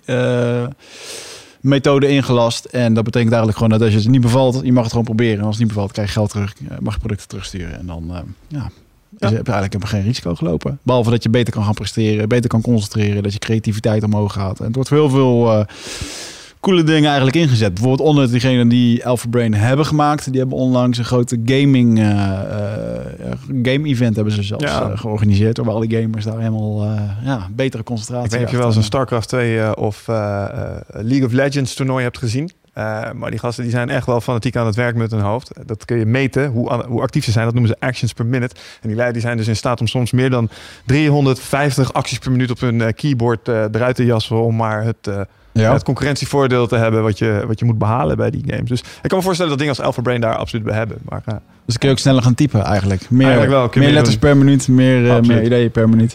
En als laatste gesponsord door Easier. eh, mocht je een keertje social media op een hele toffe manier voorbij willen laten komen op een scherm. of bij jou op de website om te laten zien wat er over jouw merk of bedrijf wordt verteld. Dan is dat de oplossing. Easier.com. Bas, nogmaals dankjewel. En luisteraars, tot de volgende keer. dank jullie wel. Tot de volgende keer. Tchau.